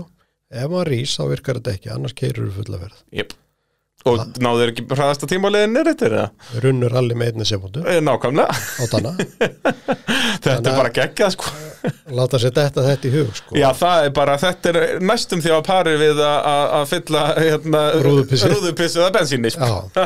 það er, menn verða að retta sér í ralli og það já. er bara svoleiðis Já, já. þetta er bara dásalett þetta motorsport sko. Já, sama, sama hérna alþjóral 2010 Já. mannst þetta því er það eh, þegar eigum við veldur já, og Óskar og Óskar, já, Já. Það, þið byrjaði, já Eh, þannig er þú í þú ert ekki að keppa þarna eða það? Nei, Við erum sem sagt, Þið eru í servis já, 2010-11 hvort þetta var, ég held að þetta var 10. Er þetta ekki tíu? Ég held að þannig eru þeir á, á impressjunni Já, og velta á fimmtudeginum hekki klefavatni já, Kút velta impressjunni kútvelta, þetta var bara í móði. Þetta var bara eins og einhver Dakar velta eða eitthvað Þeir eru að fara þarna, á- þú veist, þeir eru á 150 pluss Já. og fara í svona, hérna, yfir bara skurði eða svona árfarveg Já, og, og enda stikka þessu. enda stingaði þessu alveg nokkra ringi og allt í steg Já, Og- við förum þá saman, smala saman hópa fólki inn í bílnett Já. til Gunna Akkurat, og Gunna að sponsora Jónba og, já og fleiri bara, þetta var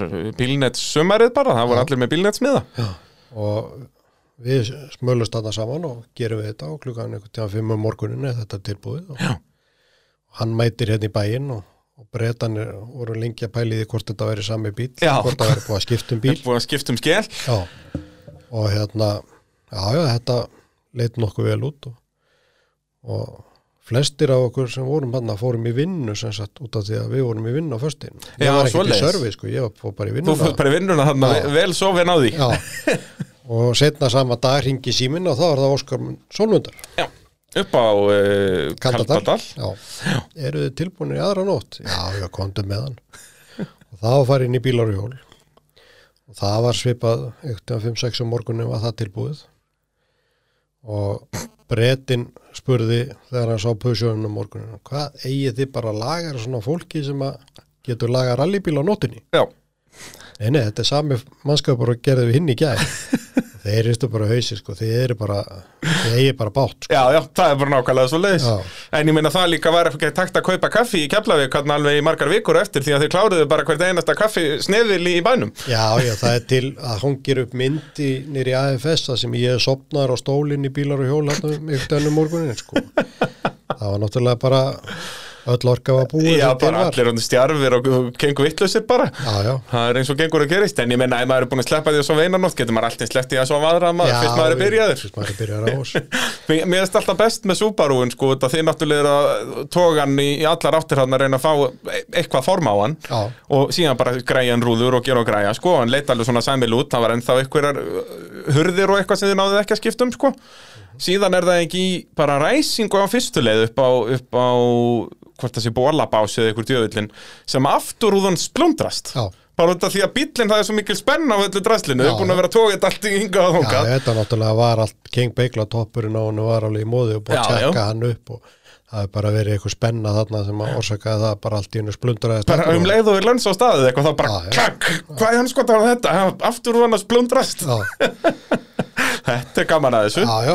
og hérna, já, já, það þarf enginn að sofa í þessu, það er auðmikið sem sofa Já, já. Þetta er alveg sami eins og einhvern tímann kem ég út að tröllháls. Nei, út að kaldadal. Já. Súboróðum fastur í botni já, dásamlegt, og ég heil áttaði með ekkert á því fyrir en bara ég kúpla í endamarki. já, Það ég er búin að vera bara vinstæfótabremsun og gýra og eitthvað svona Já. og ég áttaði með ekkert á því að hann er fastur í botni. Það ég var fann að keira hann þann, þannig bara á vinstæfótabremsun og það mikil í gjöf alltaf já, já og svo bara þegar ég kúpla þá var bara da, da, da, da, drasli bara í botni já, ég kem í endamark og ég slæði honum út og veit náttúrulega ekki nákvæmlega hvernig það skeiður en það sem er að skeiða bensínparkinu um trostnar og um fastur inni akkurat, akkurat ég kem hann út og þá er tíðu valdi vinnur okkar jú, jú, klár þarna og hann var á Subaru í servis fyrir, hérna, fyrir þá Sigvalda eða ekki bara eða, Eða já, Þór Þór Líni. Líni, jú, Þór Líni sennilega já, og við hérna það er náttúrulega bara rifin bensínparkin úr servisbílum auðvita og skrúar í hjá okkur og, og ég man alltaf eftir hérna, aðförinu hjá Valda þegar þetta komast undir mæla bara á súbarunum sko. og náttúrulega körfustóll og veltibúr og ekki þetta fjalla einn einasta hlut úr þessu nei, nei, og Valdi lípur og vippa sér inn í bílinn hægra megin á kvolfi onni bílstjórastörlun og rennir sér undir mælaborðið með lappinnar upp í top já, já, sko. bara eins og einhver í Þróttálfur já, já, já, já, þetta bara snar virkaði og Auðvitað. bílinn í gang og við heldum áfram já, en hvernig græðu þeir þá var náttúrulega enginn engi að barki í servisbílnum Nei, en Valdi er náttúrulega grótarðu gæi jú, og hann var með eitthvað dramasvír batt hann í, í blöndungi eða eða hérna engi á spjaldið ingjafaspjaldið Já, fram í og svo var hann bara á leiðin í bæin var hann bara með að opna gluggan hjá sér svo- og, hendina bara úti og, og, hérna- Og það er Reykjavík. það var ringjöfin Eina vitið, annað þess hefur nú verið gert. já, og leiðin þetta er Reykjavík Já. og svo var komið við ykkur í Reykjavík að ná í ykkur að varalutu og eitthvað og það muna nú um reynda minnstu þar að valdi myndi tapa hendina á þessu Nú, Já, og það hann snýr við þarna í einhverju bílaporti og bakkar og þá er výrspottin eitthvað langur sem var afgangs í yngjöfunni Já. og hann er með þetta vafi utan um hendina og svo bakkar yfir bakkar. spottin. Ú, Og einhvern veginn náði hann að kippa lúkun út úr lúpunni og án þess að Án þess að uh, missa Tapa. allavega svona fjóra putta eða svona. Já, þannig að maður hefur sennilega ekki verið mjög sáttu við það, hann væri búin að hjálpa manni og myndi, og þú myndir Örkumlast á missa, það. missa bara, já, svona 60% af hendinni í rauninni já, Já, það, er- en, en Valdi er náttúrulega ofurhetja þannig að hann slasast aldrei nei, nei, það er bara svo það er leiðis bara svo leis. Ég er náttúrulega búin að fara með honum, ég fór með, var í service í honum á tíðanbili í Torfæru og alveg rétt, já, Hann, þegar hann er á, á uh, krassart, henni gamla trúðnum Já, að, já, Valdi er náttúrulega bara topp eintak það er bara svo leiðis já ég hef búin að ég fór líka tvær ferði til Noregs með Gunnar Gunni alveg Torfæri rétt, og, þegar hann var að keppa þarna einhverja 12 keppnur árið eða svo Já, allt Íslandsmótið og allt Noregsmótið og Fía Nes og ég veit ekki hvað og hvað já, já, það er, þú ert búin að sjá þetta allt saman já, já, prófum þetta Það er bara, það er nákvæmlega svo leiðis Áttu, áttu eitthvað fleiri sögur eða fyrir þetta að vera komið gott hjá okkur eða? Við getum Ég- ég- náttúrulega verið hérna í svona 15 klukkutíma Já, ég á eina gamla, mjög gamla sög Ok, Pítu, frá, það- við frá þurfum því 80 og eitthvað að Já, þurfum að enda þetta á því Já, þegar ég var ungur lítill drengur þá fekk ég að fara í service á pappa þá var hann á eskortinu Já, þannig að þetta er hvað, bara 85, 6 Já, eitthvað já, 4, 5, 6 eitthvað leis já og við erum sem sagt, þetta er alþjóðaral og servicin er í hjálparðahöllinum kvöldið og, og við ákveðum það að fara sem sagt á hveravelli Já, um kvöldið, staðis að fara að keira til keflækur og vakna klukkan fjögur og nóttina og keira þá á hveravelli. akkurat Við ákveðum bara það, við rúlum bara á hveravelli og gistum þar. Já. Við förum þrý saman og, og hérna og nú þarna góðu maður sem var alltaf með pappa, stór og mikill bóli og hann var þarna með og, og svo var einn maður sem átti jeppa sem var fenginn í servis Já, og eins og dæmi gerðu jeppa maður og í gamla daga að við vorum rétt konur fyrir gullfoss þegar hann var að byrja að stöpa sig þá saði nú kappin hann að gamli herðu, þetta gengur ekki og rak hann undan stýri á hans bíl já, og fór að kera já, og hann rak hann ekkert bara undan stýri, hann rak hann aftur í já og ég búkinn settu fram í sko hann nefndi ekki að hafa hann með sér hann að blindfullan Nei, þannig að hann var bara settur í aftur í og, og við förum á hverjavelli og þegar við komum á hverjavelli þá var þessi blessaði jeppa eigandi orðin mýgandi fullur og fín og, og við ákveða það bara allir ekki að koma í laugina nei, við ætlum að fara að sofa Mm. aðja, ok og við vorum einum sem datt þetta í hug að fara þarna nóttina á hverjavelli Já. svo um miðan nóttina þá er hann búin að fara í bóttin og kemur inn í skála sem við vorum sofandi og rýfur í kallinn og það er búið að stela fötunum minn og þetta var hérna þetta var svona við alveg bara ha, það eru 100 kilometra í næsta byða bóli já, já, það er bara eins og þú segir 150 km bara í næstu mannveru já er það við hérna og þessi góði maður sem að reytist nú ekki með oft en var nú fyrir eitthvað fúllana Já, hann tók þennan mann bara eins og ferðartösk út tók bara handfylla raskinn og handfylla nakkanum og lappaði með hann bara út og henda honum í fattarúinu sko. svo vorum við að sofa og svo kemur komaðir hann upp yfir og þá er sérleið náttúrulega 90 okkar kílómetra upp á hverjall já, já, og þegar við komum að þangað þá er eskortin gjörsali á hvera suðu já og það er þannig að uh, vassindæki á eskortinum er á milli viftuspaða og tíma Já, akkurat að þarna var ekkit verið en hlýfar yfir tímareimun Nei, og það voru bara nei, aðra opnar og, Já, og þar var þessi góði servicemaður að dútla við það að laga vaska svo hásuna já, með bílinn í gangi viftu spaðan öðrum megin og tímareimina hinum megin mm, og að þessi maður var með sko, við getum alveg orðað það að hann var með svona senska helmingi stærri hendur en við já, þarna var hann með skrújafn og vasanni og milli og allt í gangi út að það mátti ekki drepa á út að hann þoldi það ekki já að vera svona heitur og dreipið á Þannig að, já, hvernig, endaðan með alla fingur og svona Já, eftir já, þetta? já. Já, nú, já, já, Já, já, þetta, þetta, þetta hefur sloppið til. Já, já, En, eh, já, bráðsnjált að vera svona vesennast eh, með viftuspaðan hérna, lögrandi léttur. já, nýbúin að taka eitt sem ferðartösku Já, út um á nótina. þetta þarna voru alveg naklar í gamla daga, sko. Já, já. Það er bara svoleiðis. Þetta er náttúrulega eins og þið bræður í hjólbarahöllinu og annað, þetta Já. voru nú ekki venjulegi gaurar. sko. Nei, nákvæmlega, sko, þetta voru eitthvað ofurhittur bara. Já, já. Það er svolítið svoleiðis. Já, já. Heyrðu, það er búið að vera snild að fá þig henning í, í spjall og eins og ég segi, við, þú kemur bara aftur eftir tíu ár með fleiri sögur, sko. Já, ég, það verður einhvern tíðan kompakt, sko, við Já, erum að halda já. upp ammæli einhvern tíðan í þessu. Nákvæmlega, Skortið, sko, sko. þú ennþá náttúrulega síungur Já, já, Þú átt ennþá alveg svona góð 30-40 ára eftir já, er það Það ekki. er minnstakosti, Já. það er bara svo leiðis Hérna, þúsund takkir Henning og, og, og virkilega gaman að fá þig Já, takk fyrir mig. og uh, elskulegu hlustendur, takk fyrir að hlusta þetta var allt saman í bóði Bíljöfurs, Ólís, Bílapúntsins takkjaflutninga Norðurlands og AB Varafluta þangar til næst, bless bless Three times running out, another day's on its way.